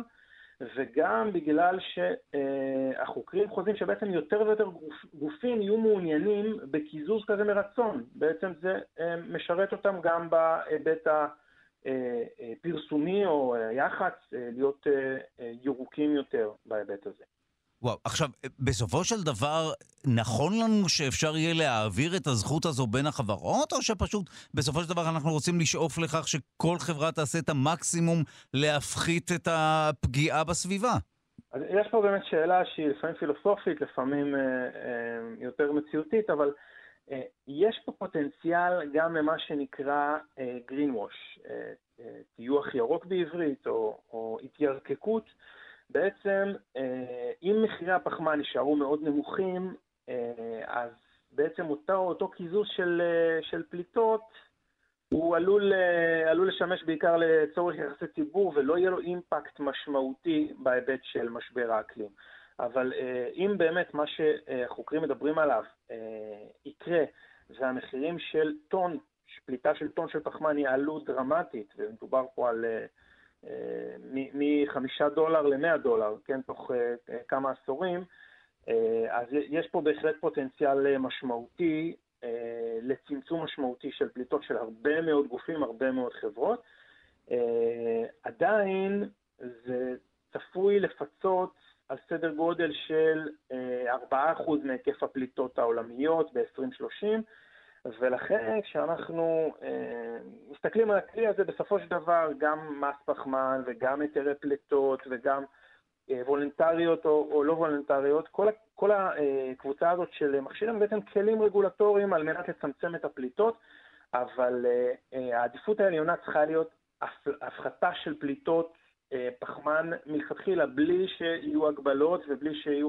זאת אומרת, השאיפה שלנו, של כל חברה, של כל גוף, כיום, במצב שבו אנחנו נמצאים, שיש לנו בעצם אה, עד תחילת העשור הבא, לפני שנחווה מצבים אה, קיצוניים אה, מאוד, על פי דוח ה-IPCC האחרון, ואז הם רק ילכו ויחריפו, אז אנחנו חייבים, גם אם אין חובה רגולטורית, לצמצם דרמטית פליטות גזי החממה שלנו, גם כאינדיבידואלים וגם גופים מסחריים כמובן. וואו, וכאזרח אני אוכל להשקיע באותם היתרים שאולי אה, המחיר שלהם יעלה? אז אני מניח ש... אה, ש... שצפויות להיות, אה, צפויים להיות מכשירי השקעה כאלה ואחרים, אולי תעודות צה"ל, אולי אה, אופציות, אולי אה, דברים אחרים, שיאפשרו להשקיע בתחום הזה. ובהחלט, אם באמת יש פה פוטנציאל צמיחה כזה גבוה, אז זה בהחלט יכול להיות מעניין. אה, ומה שחשוב גם, אנחנו כ... כאינדיבידואלים, כאזרחים, אה, יש לנו גם אפשרות אה, לקזז את הפליטות שלנו, למשל, בכל מה שנוגע לטיסות. כשאנחנו קונים כרטיס טיסה, הרבה פעמים יש אפשרות להוסיף, להוסיף תשלום על מנת לקזז את פליטות הפחמן, כל מיני מיזמים למשל, ש... אה, מקימים פאנלים סולאריים באזורים נידחים, או נוטעים עצים, או אה, משקמים אה, סביבה ימית, למשל עם מסבי ים, שדיברנו על זה בעבר. אז יש פה בעצם אפשרות, יש גם מחשבונים. חברה גרמנית שנקראת אטמוספייר, למשל, מציעה מחשבון פליטות שיכולים להכניס את פרטי הטיסה שלנו ולקבל בדיוק כמה, כמה פחמן ישתחרר כתוצאה מהטיסה האישית שלנו. ולאזן את הפליטות האלה באמצעות אה, תרומה למיזמים כאלה ואחרים. בסופו של דבר, אה, בהקשר של טיסות, דרך אגב, אה, לצמצם את מספר הטיסות, להאריך את אורך החופשה, שזה גם דבר טוב נפשית וגופנית, מאשר הרבה מאוד חופשות קצרות, סופי שבוע, זה טוב גם לסביבה וטוב גם, גם לנו. תודה רבה לך, דוקטור עדי לוי, מנהל מדעי באגודה הישראלית לאקולוגיה ולמדעי הסביבה וראש החטיבה לסביבה וקיימות במכללה האקדמית אחווה. תודה. תודה והמשך יום נעים.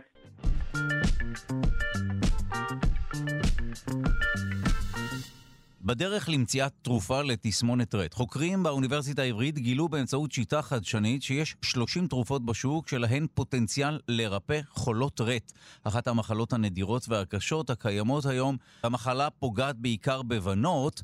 את המחקר שפורסם ב-e-life הובילה הדוקטורנטית אירין אונטרמן, שכבר נמצאת איתנו על הקו, הוא נערך בהנחיית דוקטור יובל טבח ופרופסור בן ברמן מהאוניברסיטה העברית. אנחנו שמחים לומר שלום לדוקטורנטית אירין אונטרמן מהמעבדה של פרופסור ברמן במחלקה לביולוגיה התפתחותית וחקר הסרטן האוניברסיטה העברית. שלום. שלום דודו. אז ראשית, בואי נדבר על התסמונת, אה, ואז נדבר על מה שמוביל אותה תסמונת, אה, ונדבר כמובן על הפתרונות האפשריים.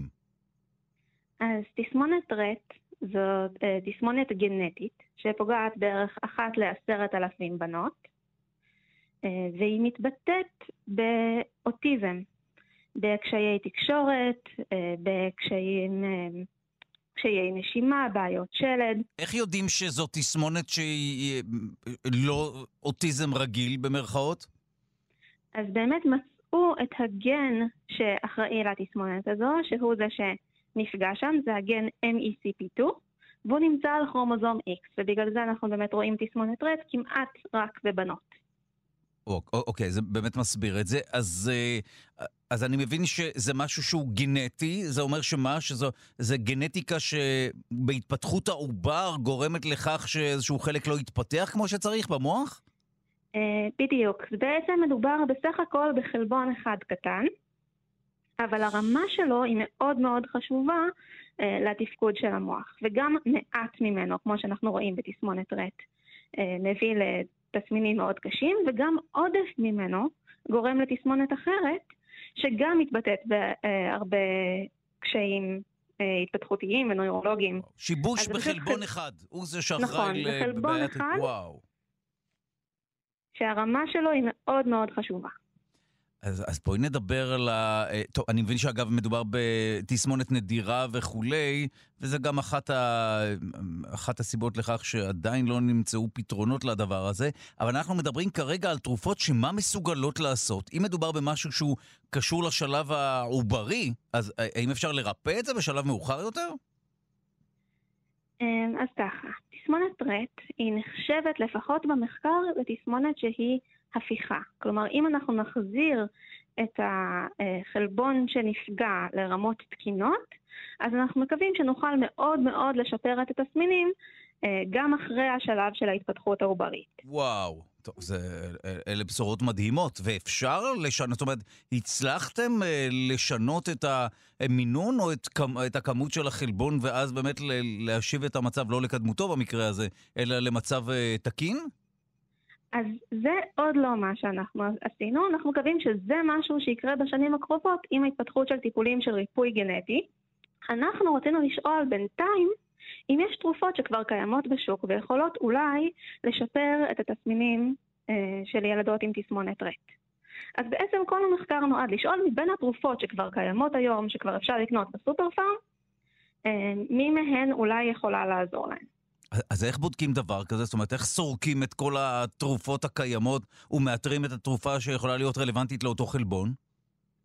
אז הגישה שלנו היא מורכבת משלושה שלבים, שלושה חלקים כמו בפאזל. בגלל שאני לא יודעת באמת להתערב ברמות של החלבון הזה, השלב הראשון היה לנסות למצוא עוד חלבונים שיכולים להיות קשורים אה, לתסמונת רט. בשלב השני בדקנו אם יש כבר תרופות שאנחנו מכירים שפועלות על החלבונים הנוספים, ובשלב השלישי בדקנו את ההשפעה אה, של התרופות האלה על תאים במעבדה. אז באמת בשביל השלב הראשון, בשביל לחפש עוד חלבונים שקשורים לתסמונת רט, זה השלב שבו במעבדה של דוקטור יובל טבח באוניברסיטה העברית הם פיתחו אלגוריתם שמסתכל על מידע מהאבולוציה ומחפש קשרים בין חלבונים. אם למשל אני אשווה נגיד עכבר שיודע לראות לחולד שהוא עיוור, ואסתכל איזה גנים או איזה חלבונים נמצאים בחולד, ו... או נמצאים בעכבר ולא נמצאים בחולד, אני יכולה למצוא שכל מיני חלבונים של ראייה יהיו ביצור שיודע לראות ולא יהיו ביצור העיוור. בגלל שהגנום שלנו מאוד מאוד חסכן. אז בגישה הזו, אם אנחנו מסתכלים על המון המון יצורים, שזה משהו שאפשר לעשות בשנים האחרונות, בזכות המהפכה הגנומית, בזכות זה שיש לנו את הקוד הגנטי של אלפי יצורים שונים, אפשר לחפש איזה חלבונים התפתחו ביחד. אז משם התחלנו, מלהסתכל על החלבונים שהתפתחו יחד עם MECP2, יחד עם הגן של תסמונת רט. בשלב השני, השתמשנו במאגרי מידע גדולים פתוחים, שמכילים ידע על קשרים בין חלבונים לבין תרופות. ומצאנו שמתוך כמה מאות חלבונים שהסתכלנו עליהם, שנראים לנו קשורים באבולוציה לתסמונת רט, יש כ-30 תרופות שיודעות להשפיע על החלבונים האלה. וואו, ואלה החשודות המיידיות, ואז מה, צריך פשוט לבדוק את התרופות הללו? בדיוק. אז בשלב האחרון בחרתי מתוך ה-30 תרופות שלוש מועמדות לבדיקה רטובה במעבדה, שזה לא אומר ששאר השלושים הן לא טובות או שלא כדאי לבדוק אותן. בכל זאת רצינו לתעדף מבחינת uh, המהירות, מבחינת התקציב, מי נראה לנו הכי סביר שיצליחו. Uh, ואת זה עשיתי לפי מה שאנחנו כבר יודעים על התרופות האלה. אם זה תרופות למשל שעוברות את מחסום הדם מוח, כי אנחנו יודעים שאנחנו רוצים להשפיע על המוח. אם אלה תרופות מאושרות כבר לשימוש, אנחנו מעדיפים אותן על פני תרופות ניסיוניות. אה, לפי קריטריונים כאלה בחרנו שלוש תרופות, ואותן במעבדה של פרופסור חיה ברורי באוניברסיטת בר אילן, היא בדקה על תאי מוח, גם על תאים רגילים וגם על תאים שהיא הורידה להם את הביטוי של MECP2, וככה שהם מדמים לנו תאי מוח של תסמונת רט. וואו, טוב, אז מתי מתקדם המחקר הזה ו- ו- ונוכל uh, בסופו של דבר ליהנות מתרופה שתציל, uh, uh, אני משער שלפחות מדובר במאות ילדים, לא? מדובר בארץ בטח במאות ילדות. נשים. ילדות, את צודקת, כן.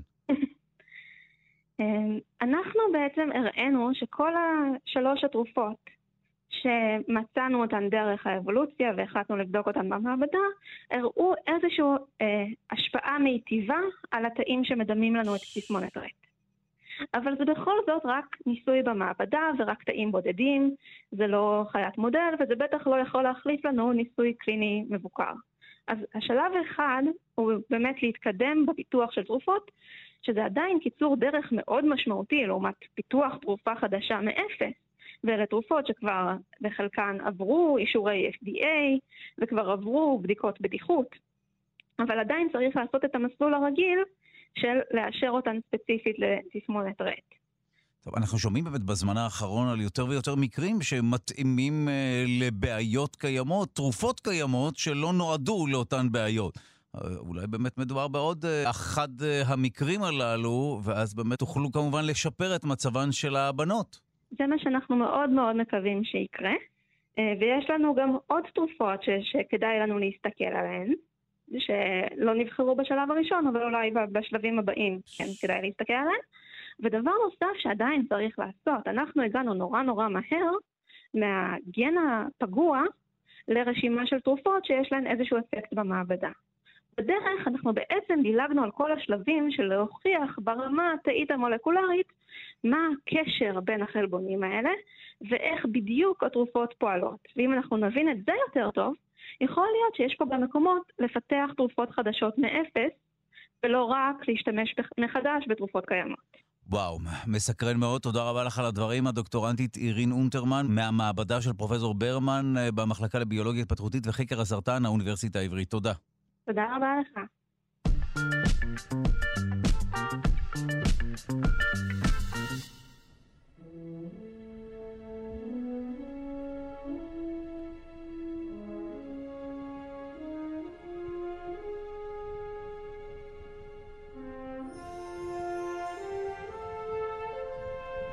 לראשונה בעולם, חוקרים תיעדו באמצעות לוויין את הקורונה האמצעית של השמש. בעזרת התיעוד אפשר יהיה לחזות אירועי מזג אוויר בחלל שמושפעים בין השאר מרוחות שמש ומהתפרצויות פלזמה מהקורונה של השמש. הדברים פורסמו בנייצ'ר אסטרונומי. אנחנו שמחים לומר שלום לפרופסור ליאון הופמן מהמחלקה לגיאופיזיקה באוניברסיטת תל אביב וחוקר בנאס"א. שלום. שלום, בוקר טוב. כשאנחנו מדברים על מזג אוויר בחלל, אה, לא מדובר בהכרח באוויר כמובן, אבל ז, ז, זו כוונה כללית לכל מיני אירועים, בין היתר האירועים אה, בהם אנחנו עוסקים כרגע, וזה התפרצויות שמש. מהי הקורונה האמצעית של השמש? מה, ההילה של השמש או השכבות של השמש אה, הן שונות? זאת אומרת, השמש מחולקת לכמה שכבות? ובכן, מה שקורה שהקורונה של השמש, או בעברית ההצהרה, זה שכבה של אה, גזים מאוד חמים ומיוננים שמקיפים את השמש. עכשיו, בלוויינים קודמים אנחנו בעיקר ראינו את הקורונה שנמצאת קרוב לשמש, עד אה, בסביבות 1.5 אה, רדיוסי שמש. והסיבה לכך שהזוהר של הקורונה יורד עם המרחק מהשמש, והיה קשה מאוד, או בלתי אפשרי למעשה, לראות את זה בעזרת לוויינים אה, קודמים. עכשיו, הלוויין החדש שנשלח על ידי נועה זה סוכנות לחקר האטמוספירה של ארה"ב וגם החלל, בין היתר, אה, יש לו רגישות גבוהה יותר שמאפשרת לראות את האזורים המרוחקים יותר מהשמש, שלהם גם יש חשיבות רבה, כי שם אה, מתבצעים האצה של חלקיקים והתפרצויות אה, של השמש אחרי שהם עוזבים את הסביבה הקרובה של השמש ומתפשטים בחלל. עכשיו, מה המשמעות של הדברים? זאת אומרת, מה גילינו בזכות אותן תמונות? אחד הדברים המעניינים שבדרך כלל חשבו שהתנועה של רוח השמש בהתפרצויות מושפעת בעיקר על מה שקורה על פני השמש, הקרוב לפני השמש. וכאן אה, למעשה ראו לראשונה שיש גם השפעה של הקורונה החיצונית או האמצעית על התנועה של ההתפרצויות האלה ושל האצת רוח השמש, דבר שאי אפשר להיות באופן ישיר, ומודלים קיימים לא, לא חזו את זה בצורה כזאת. עכשיו, אה, זו פעם ראשונה שרואים שגם מה שקורה יותר רחוק מהשמש עדיין זה די קרוב, מדובר סך הכל בשלושה רדיוסי שמש, אך אה, יותר רחוק מהאזור שנחקר עד כה, אז אנחנו רואים שיש שם אה, תנועה והאצה של אותן ההתפרצויות שבסופו של דבר יכולות להגיע לכדור הארץ ולפגוע בכדור הארץ. עכשיו, אה, אז בואו ננסה באמת אה, להבין, אז איך נראית השמש? אוקיי, מדובר ב... ב... ענק גז, ב, ב, אני מנסה להבין את המבנה של השמש, אנחנו יודעים שיש שם מימן שהופך להליום, אבל מה, מה מרכיב את השמש, ואז גם נדבר על הקורונות. תראה, מה שקורה שהשמש באמת, כמו שציינת, הוא ענן אה, של גז אה, דחוס מאוד אה, וחם מאוד. עכשיו, אה, אם אנחנו נתחיל ממרכז השמש, ששם הטמפרטורה מאוד גבוהה, יכולה להגיע ל-15 מיליון אה, מעלות ומעלה של אה, הגזים החמים. עכשיו, כשאנחנו מסתכלים על פני השמש, אותו, אותו כדור שאנחנו רואים בשמיים בעין רגילה, אנחנו רואים למעשה את השכבות החיצוניות של אותם הגזים, והשכבות האלה הן בטמפרטורה של כ-6,000 מעלות. עכשיו, אה, השכבות האלה הן גם מאוד דחוסות, ומשם אנחנו מקבלים את רוב האנרגיה שלנו, של החום ושל האור שאנחנו רואים, האור הנראה. אבל זה לא כל הסיפור, מעבר לשכבות האלה, יש גזים חמים מאוד שמתקיפים את השמש מעל אותם הגזים הקרים יותר, אם אפשר לומר כך. ההתרה של השמש מורכבת מהפלזמה החמה הזאת שמקיפה את השמש. שהיא נחשבת לסוג לא של אטמוספירה? באופן... זאת אומרת, היא לא ממש חלק מהשמש, אלא זו הסוג של אטמוספירה. זה, אפשר לקרוא לזה אטמוספירה כי יש ירידה גדולה מאוד בצפיפות, אה, בהרבה mm. סדרי גודל, ואנחנו מדברים על גזים יחסית דלילים, אז אה, אפשר לראות את זה כאטמוספירה חיצונית יותר, כי שם גם יש היפוך בטמפרטורה, ובמקום ירידה יש לנו עלייה בטמפרטורה בגלל תהליכים מגנטיים שקורים בתוך האטמוספירה הזאת.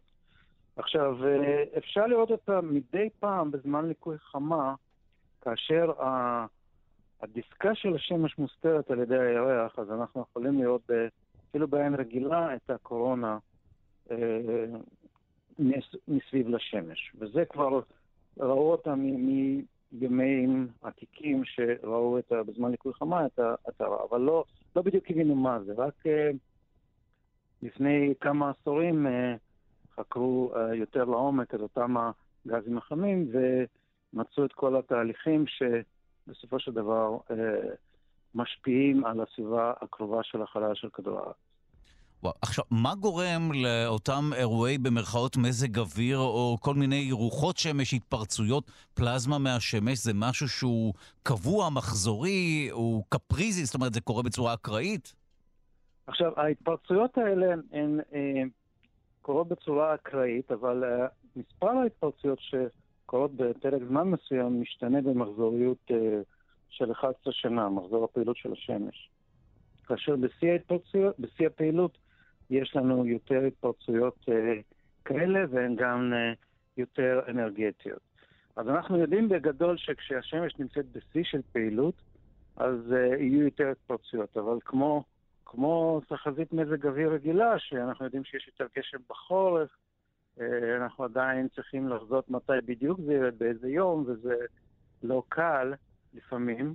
אה, זה אותו דבר במזג החלל, כאשר אנחנו מנסים לחזות את ההתפרצויות, אנחנו עדיין, אה, יש אי דיוקים וקשיים, והמדידות של הלוויין הזה למעשה עוזרות לנו לשפר את המודלים האלה, לשפר את ה...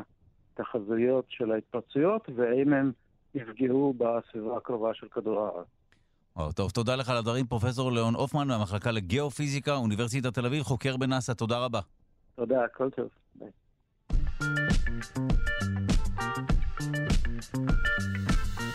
נוגה נגד שביט. כוכב הלכת נוגה עשוי להצטלב בדצמבר השנה עם כוכב השביט ליאונרד, שהתגלה לאחרונה. מה המשמעות של המפגש הזה?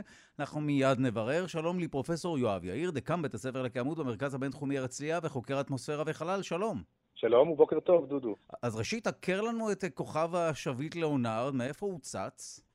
שביט ליאונרד התגלה ממש לפני מספר חודשים בתצפית טלסקופית מאריזונה, והוא קרוי על שמו של המגלה שלו, ליאונרד. שביט מחזורי בעל זמן מחזור ארוך מאוד, שזה הביקור הראשון שלו במערכת השמש הפנימית, לפחות ככה הטלסקופים שלנו מגלים.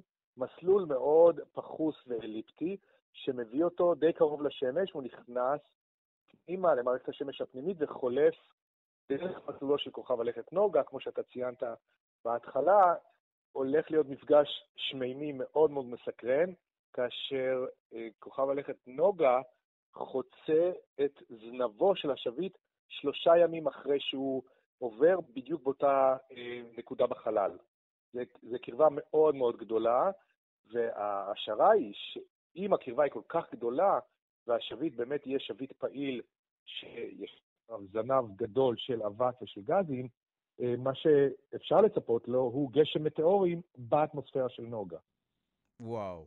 אוקיי, אה, אה, בוא נדבר על, על הגודל שלו, על ההרכב שלו, כוכב שביט כזה, ומה גודלו פחות או יותר, ממה הוא עשוי?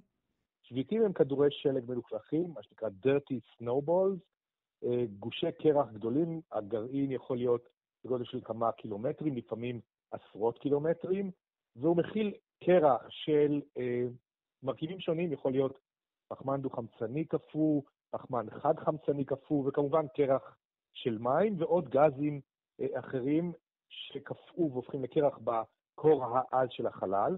בתוך הקרח משובץ גם אבק, יש הרבה מינרלים, רסיסים גדולים של סלעים, זה מין בוץ מלוכלך, וכאשר אה, השביט מתקרב לשמש, קרינת השמש, ובייחוד רוח השמש, אותו זרם חלקיקים אנרגטיים שיוצא מהשמש, מעדה לאט לאט את הקרח ומקלף את השכבות החיצוניות של השביט ויוצר לאט לאט הילה סביב הגרעין של הקרח, וככל שהשביט מתקדם ומתקרב במסלולו האליפטי אל השמש, או אל קרבת השמש, אה, הוא מתחיל לפתח זנב שהולך וגדל.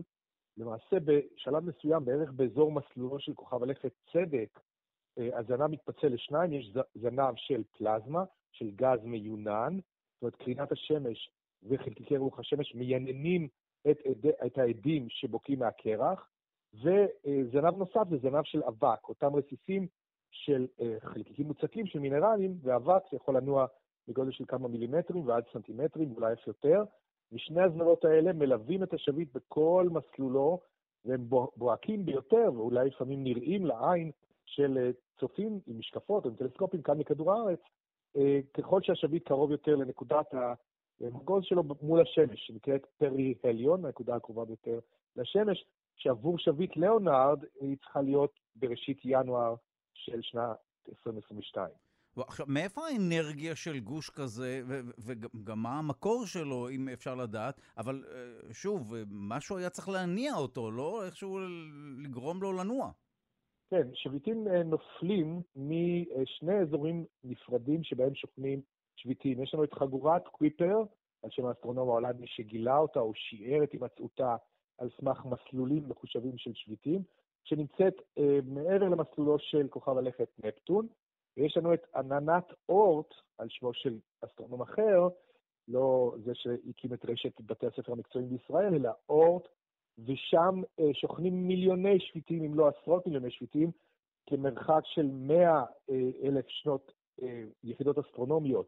מהשמש, אומרת, זה ממש ממש בקצה הרחוק של מערכת השמש שלנו, כאשר נוצרות הפרעות גרביטציוניות עקב התכווצות או התקרבות של כוכבי לכת זה וסמוך לזה, נוצרות הפרעות בשדה הכבידה, והגושי קרח האלה לפעמים נופלים, שוב, כמובן לא, זה מטאפורה, הנפילה, הם משנים את מסלולם ומתחילים להיכנס פנימה אל מערכת השמש הפנימית, ואלה שעוברים את מסלולו של צדק מתחילים להתגלות לעינינו, משום שכמו שאמרתי, רוח השמש מעדה אותם ויוצרת את הזנב ההדור. רוב השביטים כן. נמצאים שם כבר מיליארדי שנים ולא נזכה לראותם, רק מיעוטם של אלה שמסלולם מופרע בשל כוחות כבידה במערכת השמש, מתגלים לעינינו אה, כאמור. ובניגוד למטאורים וכולי, הם לא מסוכנים, נכון? אם מדובר בכוכב שבסופו של דבר זה מים. כן, זה תלוי כמובן... גרם שמימי עובר... כמובן, לא כוכב לחובבי הדיוק כמובן. נכון, נכון. אנחנו משתמשים במילה לא מדויקת שקוראים נכון. כוכב שביט, יש לומר שביט או קומט, והם עשויים באמת מקרח, אבל אם חלילה שביט כזה פוגע בגוף פלנטרי, כמו בכדור הארץ, אה, זה יכול לגרום להכחדה ולנזקים אדירים, כי יש לנו דוגמה ממש ממש אה, מוחשית לכך, כאשר שביט שומקר לוי 9 אה, פגע בכוכב הלכת צדק, שומקר לוי היו אלה שגילו אותו, וההתפוצצויות האדירות באטמוספירה של כוכב הלכת צדק נראו היטב מכדור הארץ. זה היה מאורע אסטרונומי נדיר ביותר, כוח המשיכה של צדק פשוט משך את השביט אליו, השביט התפרק לעשרות רסיסים שיצאו מין רכבת כזאת של גושי קרח, לכל אחד מהם זנב קטן והילה קטנטנה, וצפינו משתאים ממש בטלסקופים על השביט הזה, שפגע ביולי 1994 בכוכב הלכת צדק, בסדרה של התפוצצויות כבירות שהשאירו אחר כך ענני אה, פיח, כן, מהריאקציות הכימיות של ההתפוצצות, בין העננים של אה, יופיטר, כי כידוע לכולנו, אין לו פני שטח מוצקים, ולכן השביט לא פגע בפני השטח, פשוט התפוצץ באטמוספירה ויצר אה, פטריות אש שהטלסקופים, גם האבל וגם חלליות שהיו בדרך, הצליחו לצלם. יש תמונות מרהיבות באינטרנט, נחשבות להתפוצציות הכבירות ביותר במערכת השמש עד ימינו אלה. וואו, וכפי שצופים כרגע, לכל המקסימום, או לכל היותר, יהיה איזשהו מין מטר מטאורים אה, על פני אה, כוכב הלכת נוגה, כתוצאה מהכמעט נכון, מפגש. נכון, אל יקל הדבר בעיניך, זה דבר מאוד מאוד מאוד נדיר, אה, וספק אוקיי. אם יקרה בימי חיינו שוב. האמת היא שהיה מפגש כזה בשנת 2014 עם שביט שנקרא Siding Spring, שעבר ממש קרוב למאדים, שלוש שעות הפרש בין זמן המעבר של השביט לבין מעבר של כוכב הלכת, זה כמעט התנגשות במונחים אסטרונומיים. לרוע מזלנו, כצופים מכדור הארץ, לא יכולנו לראות את המעבר הזה בזמן אמת, ומי שצילמה אותו זאת חללית אמריקאית בשם מייבן, M-A-V-E-N, שצפתה במפגש, משום שהמפגש היה בצד של מאדים שפונה הלאה מאיתנו, לא יכולנו לראות אותו, אבל החללית צילמה שרידים של, אה, בוא נאמר, מטאורים או רסיסים שהשאירו באטמוספירה של מאדים סימנים של היסוד מגנזיום, שהוא טביעת אצבע אופיינית לרסיסי האבק שמתלווים לשביטים.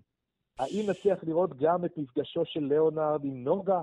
אז יש uh, עבודה תיאורטית שפורסמה בארכייבס, ממש uh, בשבוע שעבר, על ידי קבוצת uh, חוקרים uh, מקליפורניה, Institute of Technology בפסדינה, קלטק, ובראשם אה, בחור בשם ז'אנג, שטוען שאם באמת השביט יהיה פעיל ויפתח זנב גדול של אבק, יש סיכוי שצופים מכדור הארץ בטלסקופים יוכלו להסתכל על כוכב הלכת נוגה ולראות גשם מטאורים בנוגה מכדור הארץ.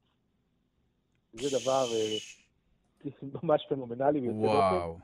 כולנו התרגשנו מגשם הפרסאידים שהיה רק לפני מספר שבועות, בלילה של ה-12 לאוגוסט.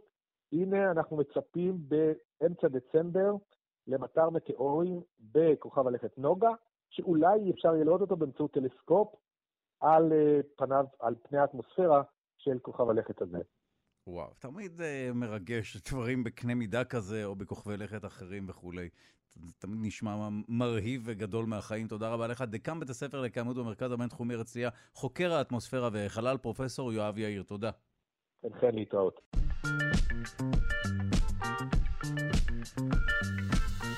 עדויות לפעילות חקלאית ותעשייתית לפני 1,500 שנה ברמת השרון. העדויות הללו התגלו במסגרת חפירות ארכיאולוגיות של רשות העתיקות. אנחנו שמחים לומר שלום למי שאחראי על החפירה, הארכיאולוג מחוז תל אביב ברשות העתיקות, דייגו ברקן, שלום. שלום, צהריים טובים. ראשית, ספר לנו מה בדיוק גיליתם באזור רמת השרון. אה, בחפירות אה, נתגלתה חווה חקלאית מהתקופה הביזנטית שהמשיכה להתקיים עד לתקופה האסלאמית הקדומה. ספר לנו קצת על התקופות האלה, אני לא בטוח שכולנו מכירים. מה היה בתקופה הזו לפני 1,500 שנה? מי גר שם? מה הייתה התרבות? קודם כל, אה, אה, אנחנו מדברים על המאה הרביעית לספירה. השלב הביזנטי הסתיים במאה השביעית לספירה. כן. והאתר התקיים על התקופה הפטימית אה, במאה ה-11 לספירה. זאת אומרת שמאז, מהמאה ה-11 לספירה, כאלף שנה, האתר היה נטוש, ונתגלה בחזרה לפני חודשיים, שעיריית רמת, רמת השרון ביקשה להרחיב את השכונה. כן, מדובר בחפירה שמתנהלת כחלק מיוזמת העירייה שם להקים שכונת מגורים חדשה מדרום לפארק הנופש המתוכנן שגובל עם תל אביב, כך פורסם. אז בוא ספר לנו מה בדיוק מצאתם בחפירה. אה, קודם כל, לפני שהתחלנו את החפירה, צריך אה, אה, להגיד שמדובר על אסונות החקלאיים של, של הכפר הירוק, של אזור הכפר הירוק של נווה גן. ידענו שיש שם אתר ארכיאולוגי, אבל אף פעם נערכה חפירה מסודרת, אף פעם הייתה חפירה ארכיאולוגית במקום, מדובר עכשיו על החפירה הארכיאולוגית הראשונה באתר. מה שכן נערך, uh, זה נערך סקר פיתוח, סקר uh, ארכיאולוגי בשדות, אחד ב-1975 על ידי ארכיאולוג יעקב קפלן, שהיה ארכיאולוג של עיריית תל אביב, והוא כבר אז זיהה שיש שם איזשהו אתר ביזנטי אסלאמי קדום, אה, אתר אה, עם אה, אופי חקלאי. בשנת 1998 נערך סקר נוסף על ידי רם גופנה, זיכרונו לברכה, ואיתן איילון, וגם במסגרת סקר הרצליה, וגם זיהו חלקים של חווה חקלאית.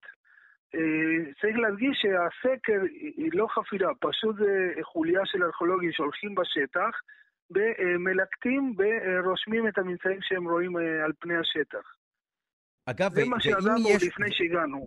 זהו, ואם יש ממצאים כאלה, אז מה זה אומר, שלא מרחיבים את השכונה? זאת אומרת, עוצרים את העבודות? בכל זאת אתר ארכיאולוגי? לא, לא, לא. קודם כל, אנחנו לא נמצאים כדי לעצור אה, שכונות או עבודות, אנחנו נמצאים כדי, אה, קודם כל, כדי לגלות את האתר ולתת את ההנחיות, אבל mm. לא בהכרח לבטל את השכונה.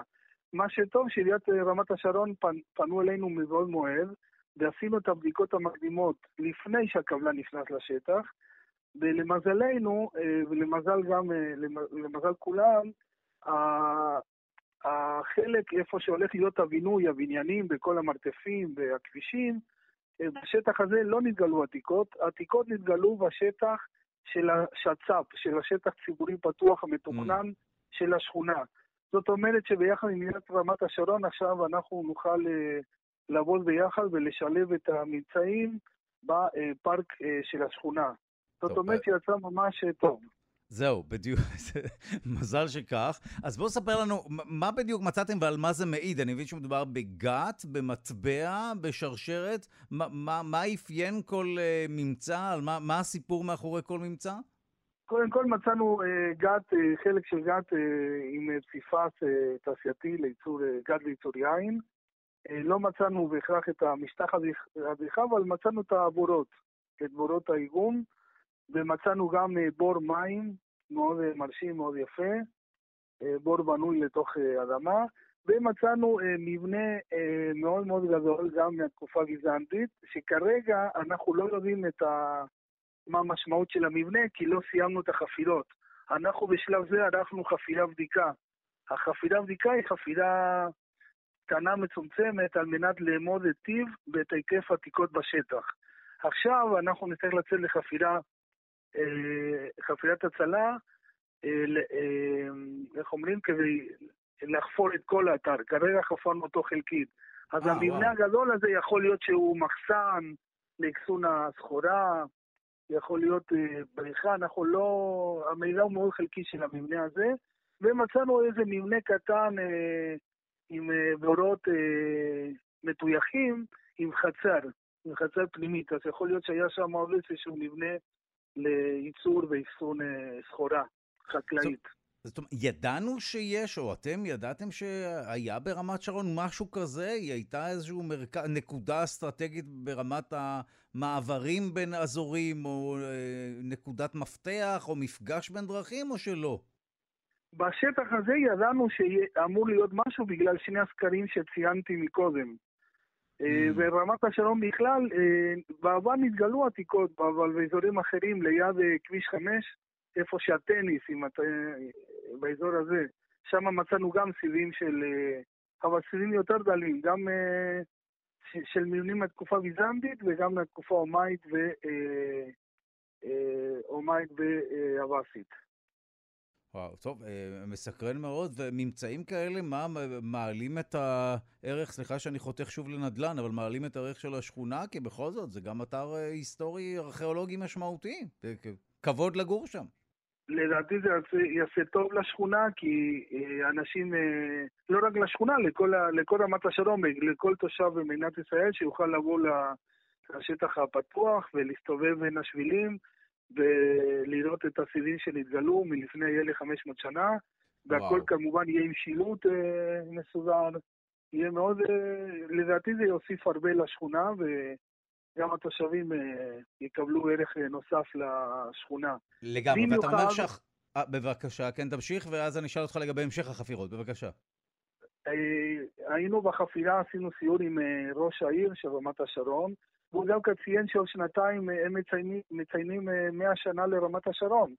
אז יהיה אפשר לעשות איזה הפנינג אה, מאוד אה, יפה, אה, אירוע כזה באתר העתיקות. הולך להיות משהו מאוד... אה, אולי מאוד, שישנו אה, את 100 שנה ל-1500 שנה של רמת שרון, של פעילות אינטנסיבית, חקלאית ותעשייתית.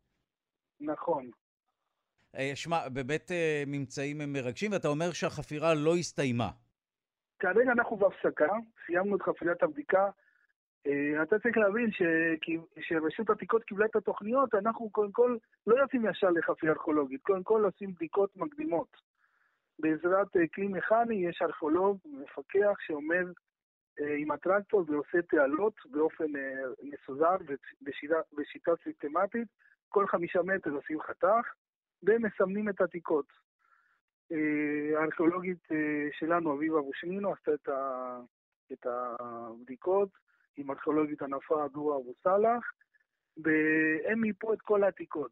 מכאן יצאנו לחפירה בדיקה בנקודות שנזלו אה, לפי הת- התסריט שקיבלנו מהבדיקות בשטח. צריך להבין שמדובר על יותר משנה של בדיקה, מדובר על שטח מאוד מאוד עצום, עם הפסקות בגלל החורף. לאחר המיפוי והבדיקות המקדימות עם הטרקטור, יצאנו לחפירת הבדיקה. בחפירת הבדיקה גילינו את הממצאים, מה שראיתם עכשיו, ועכשיו אנחנו צריכים לצאת, ל... אה, אה, איך אומרים? להשלים את המכלולים שנתגלו בחפירת הבדיקה. בפעולה נוספת שתידרש היא אה, לעשות, לבצע עבודות שימור, שימור וחיזוק של המבנים והמתקנים שנתגלו. וואו, אז הנה אה, השורה התחתונה היא עדויות לפעילות גם חקלאית, גם תעשייתית לפני 1,500 שנה ברמת השרון, ואולי בקרוב כולנו נוכל ליהנות מהממצאים באותה חפירה ארכיאולוגית. תודה לך, דייגו ברקן, ארכיאולוג מחוז תל אביב ברשות העתיקות. תודה. תודה לכם, כל טוב, ביי.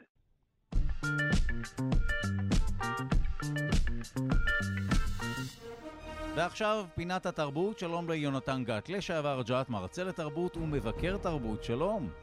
שלום דודו. גילוי נאות, השיחה הזו מוקלטת מראש ביום חמישי, כי אתה ממש ברגעים אלה נמצא בפסטיבל הקולנוע ירושלים. יצאת הרגע מהקרנה של הסרט האחרון של וודי אלן, נכון? בהחלט, וכדאי באמת ורצוי וחשוב לשבח את אה, מנהלי הפסטיבל, ובראשם אה, נועה רגב, שהביאו לנו פסטיבל קולנוע ממש משובח, עם יבול מרשים של עשרות סרטים חדשים ורטרוספקטיבות, אה, ולנהל פסטיבל כזה בתקופה כזאת, אתה יודע, בתקופת מגפה, דלתא וכו', זה לא פשוט. אה, אין אורחים מחו"ל, כי אי אפשר להביא אורחים מחו"ל, אבל יש אורח אחד מדהים, טרנטינו. טרנטינו אה. מגיע לכאן ערב-ערב כמעט, לקיים רטרוספקטיבה של סרטי קנון, הסרטים שאתה אוהב, אה, דודו, לדעתי. אה, אתה יודע, סרטי ה... סרטים של מנחם גולן ו... ויורם גלובוס. אמ, ועכשיו יצאתי מהקרנה של הסרט שנקרא הפסטיבל של ריסקין, סרטו האחרון של וודי אלן, נגנז בהרבה מאוד מקומות בעולם בעקבות כל הפרשיות שלו והשערוריות סביבו.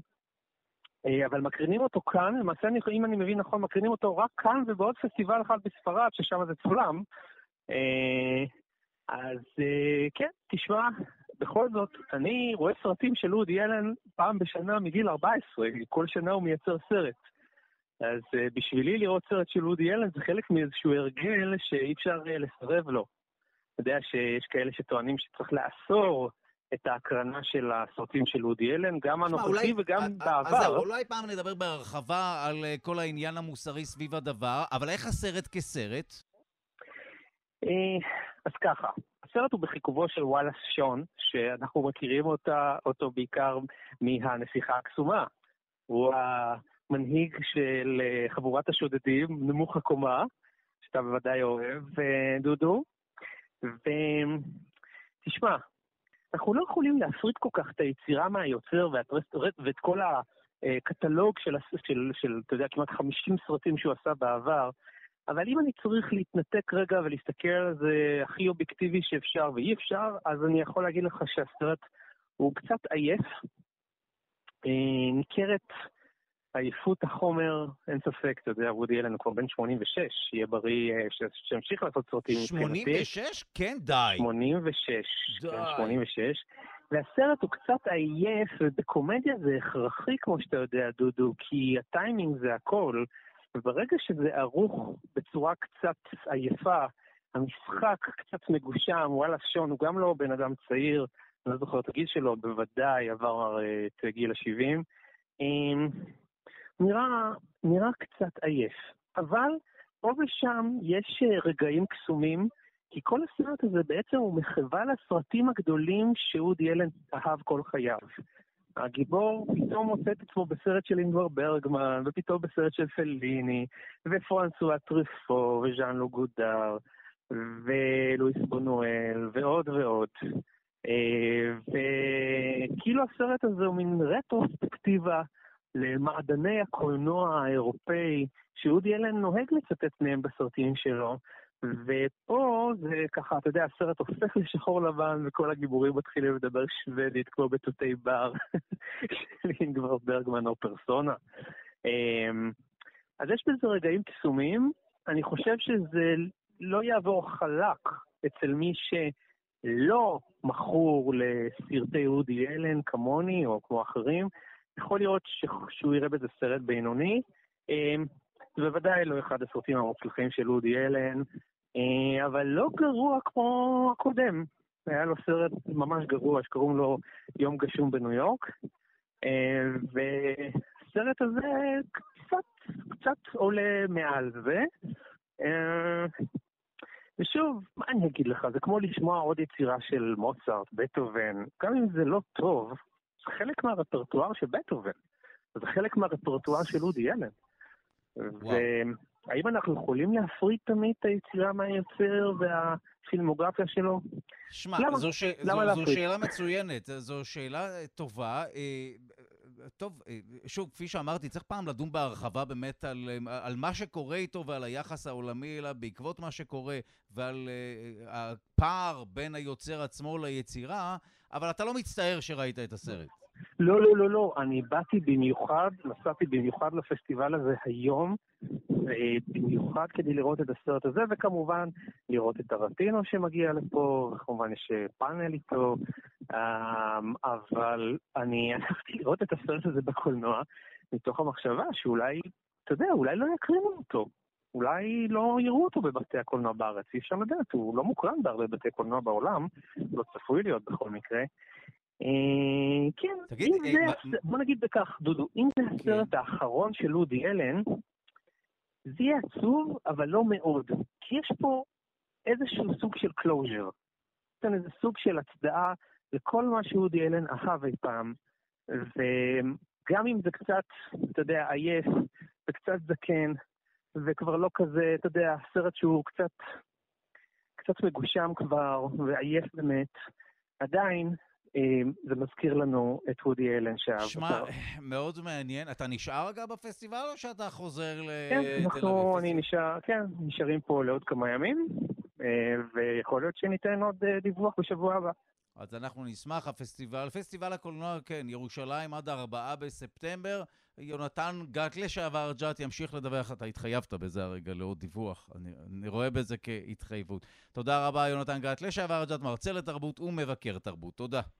תודה, דודו.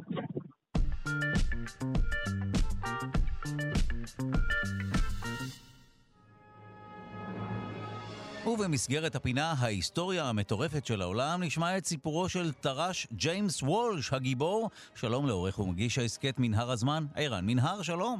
אהלן דודו, טוראי ראשון וגיבור. אה, האמת היא, חוץ ממידע בסיסי, לא הרבה אנחנו יודעים על אה, טוראי ראשון ג'יימס אה, וולש לפני הפעילות שלו במלחמת העולם הראשונה.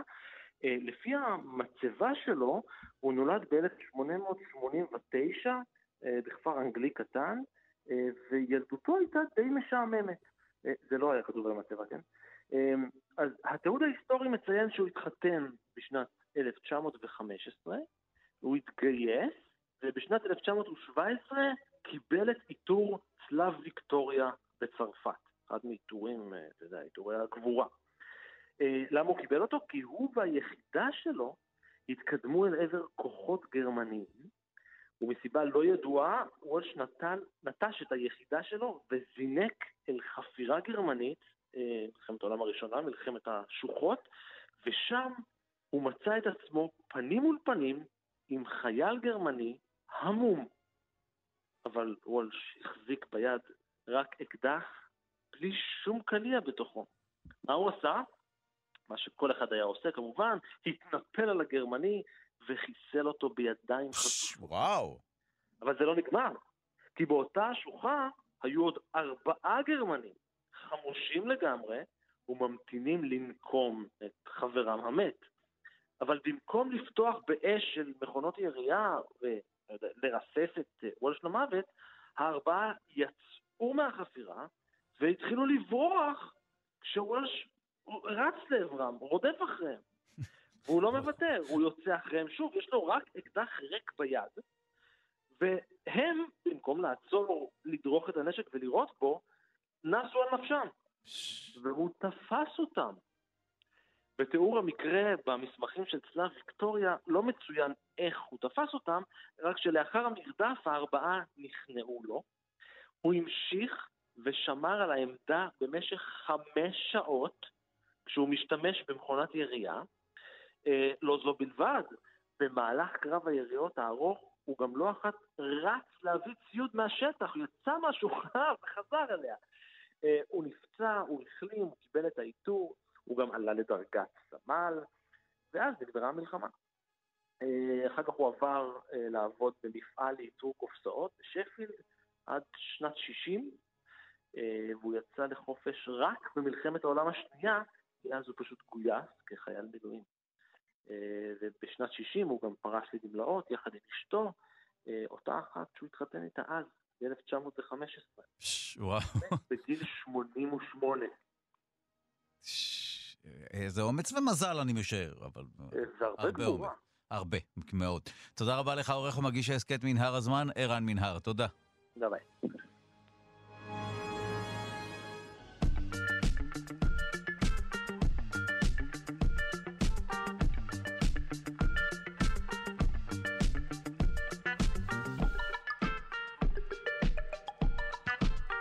אנחנו סיימנו את התוכנית להיום, העורך שלנו הוא רז חסון, המפיקה היא אלכסנדרה לויקר, על הביצוע הטכני די.ג'י אלון מקלר, תודה רבה ליגאל שפירא שמלווה אותנו.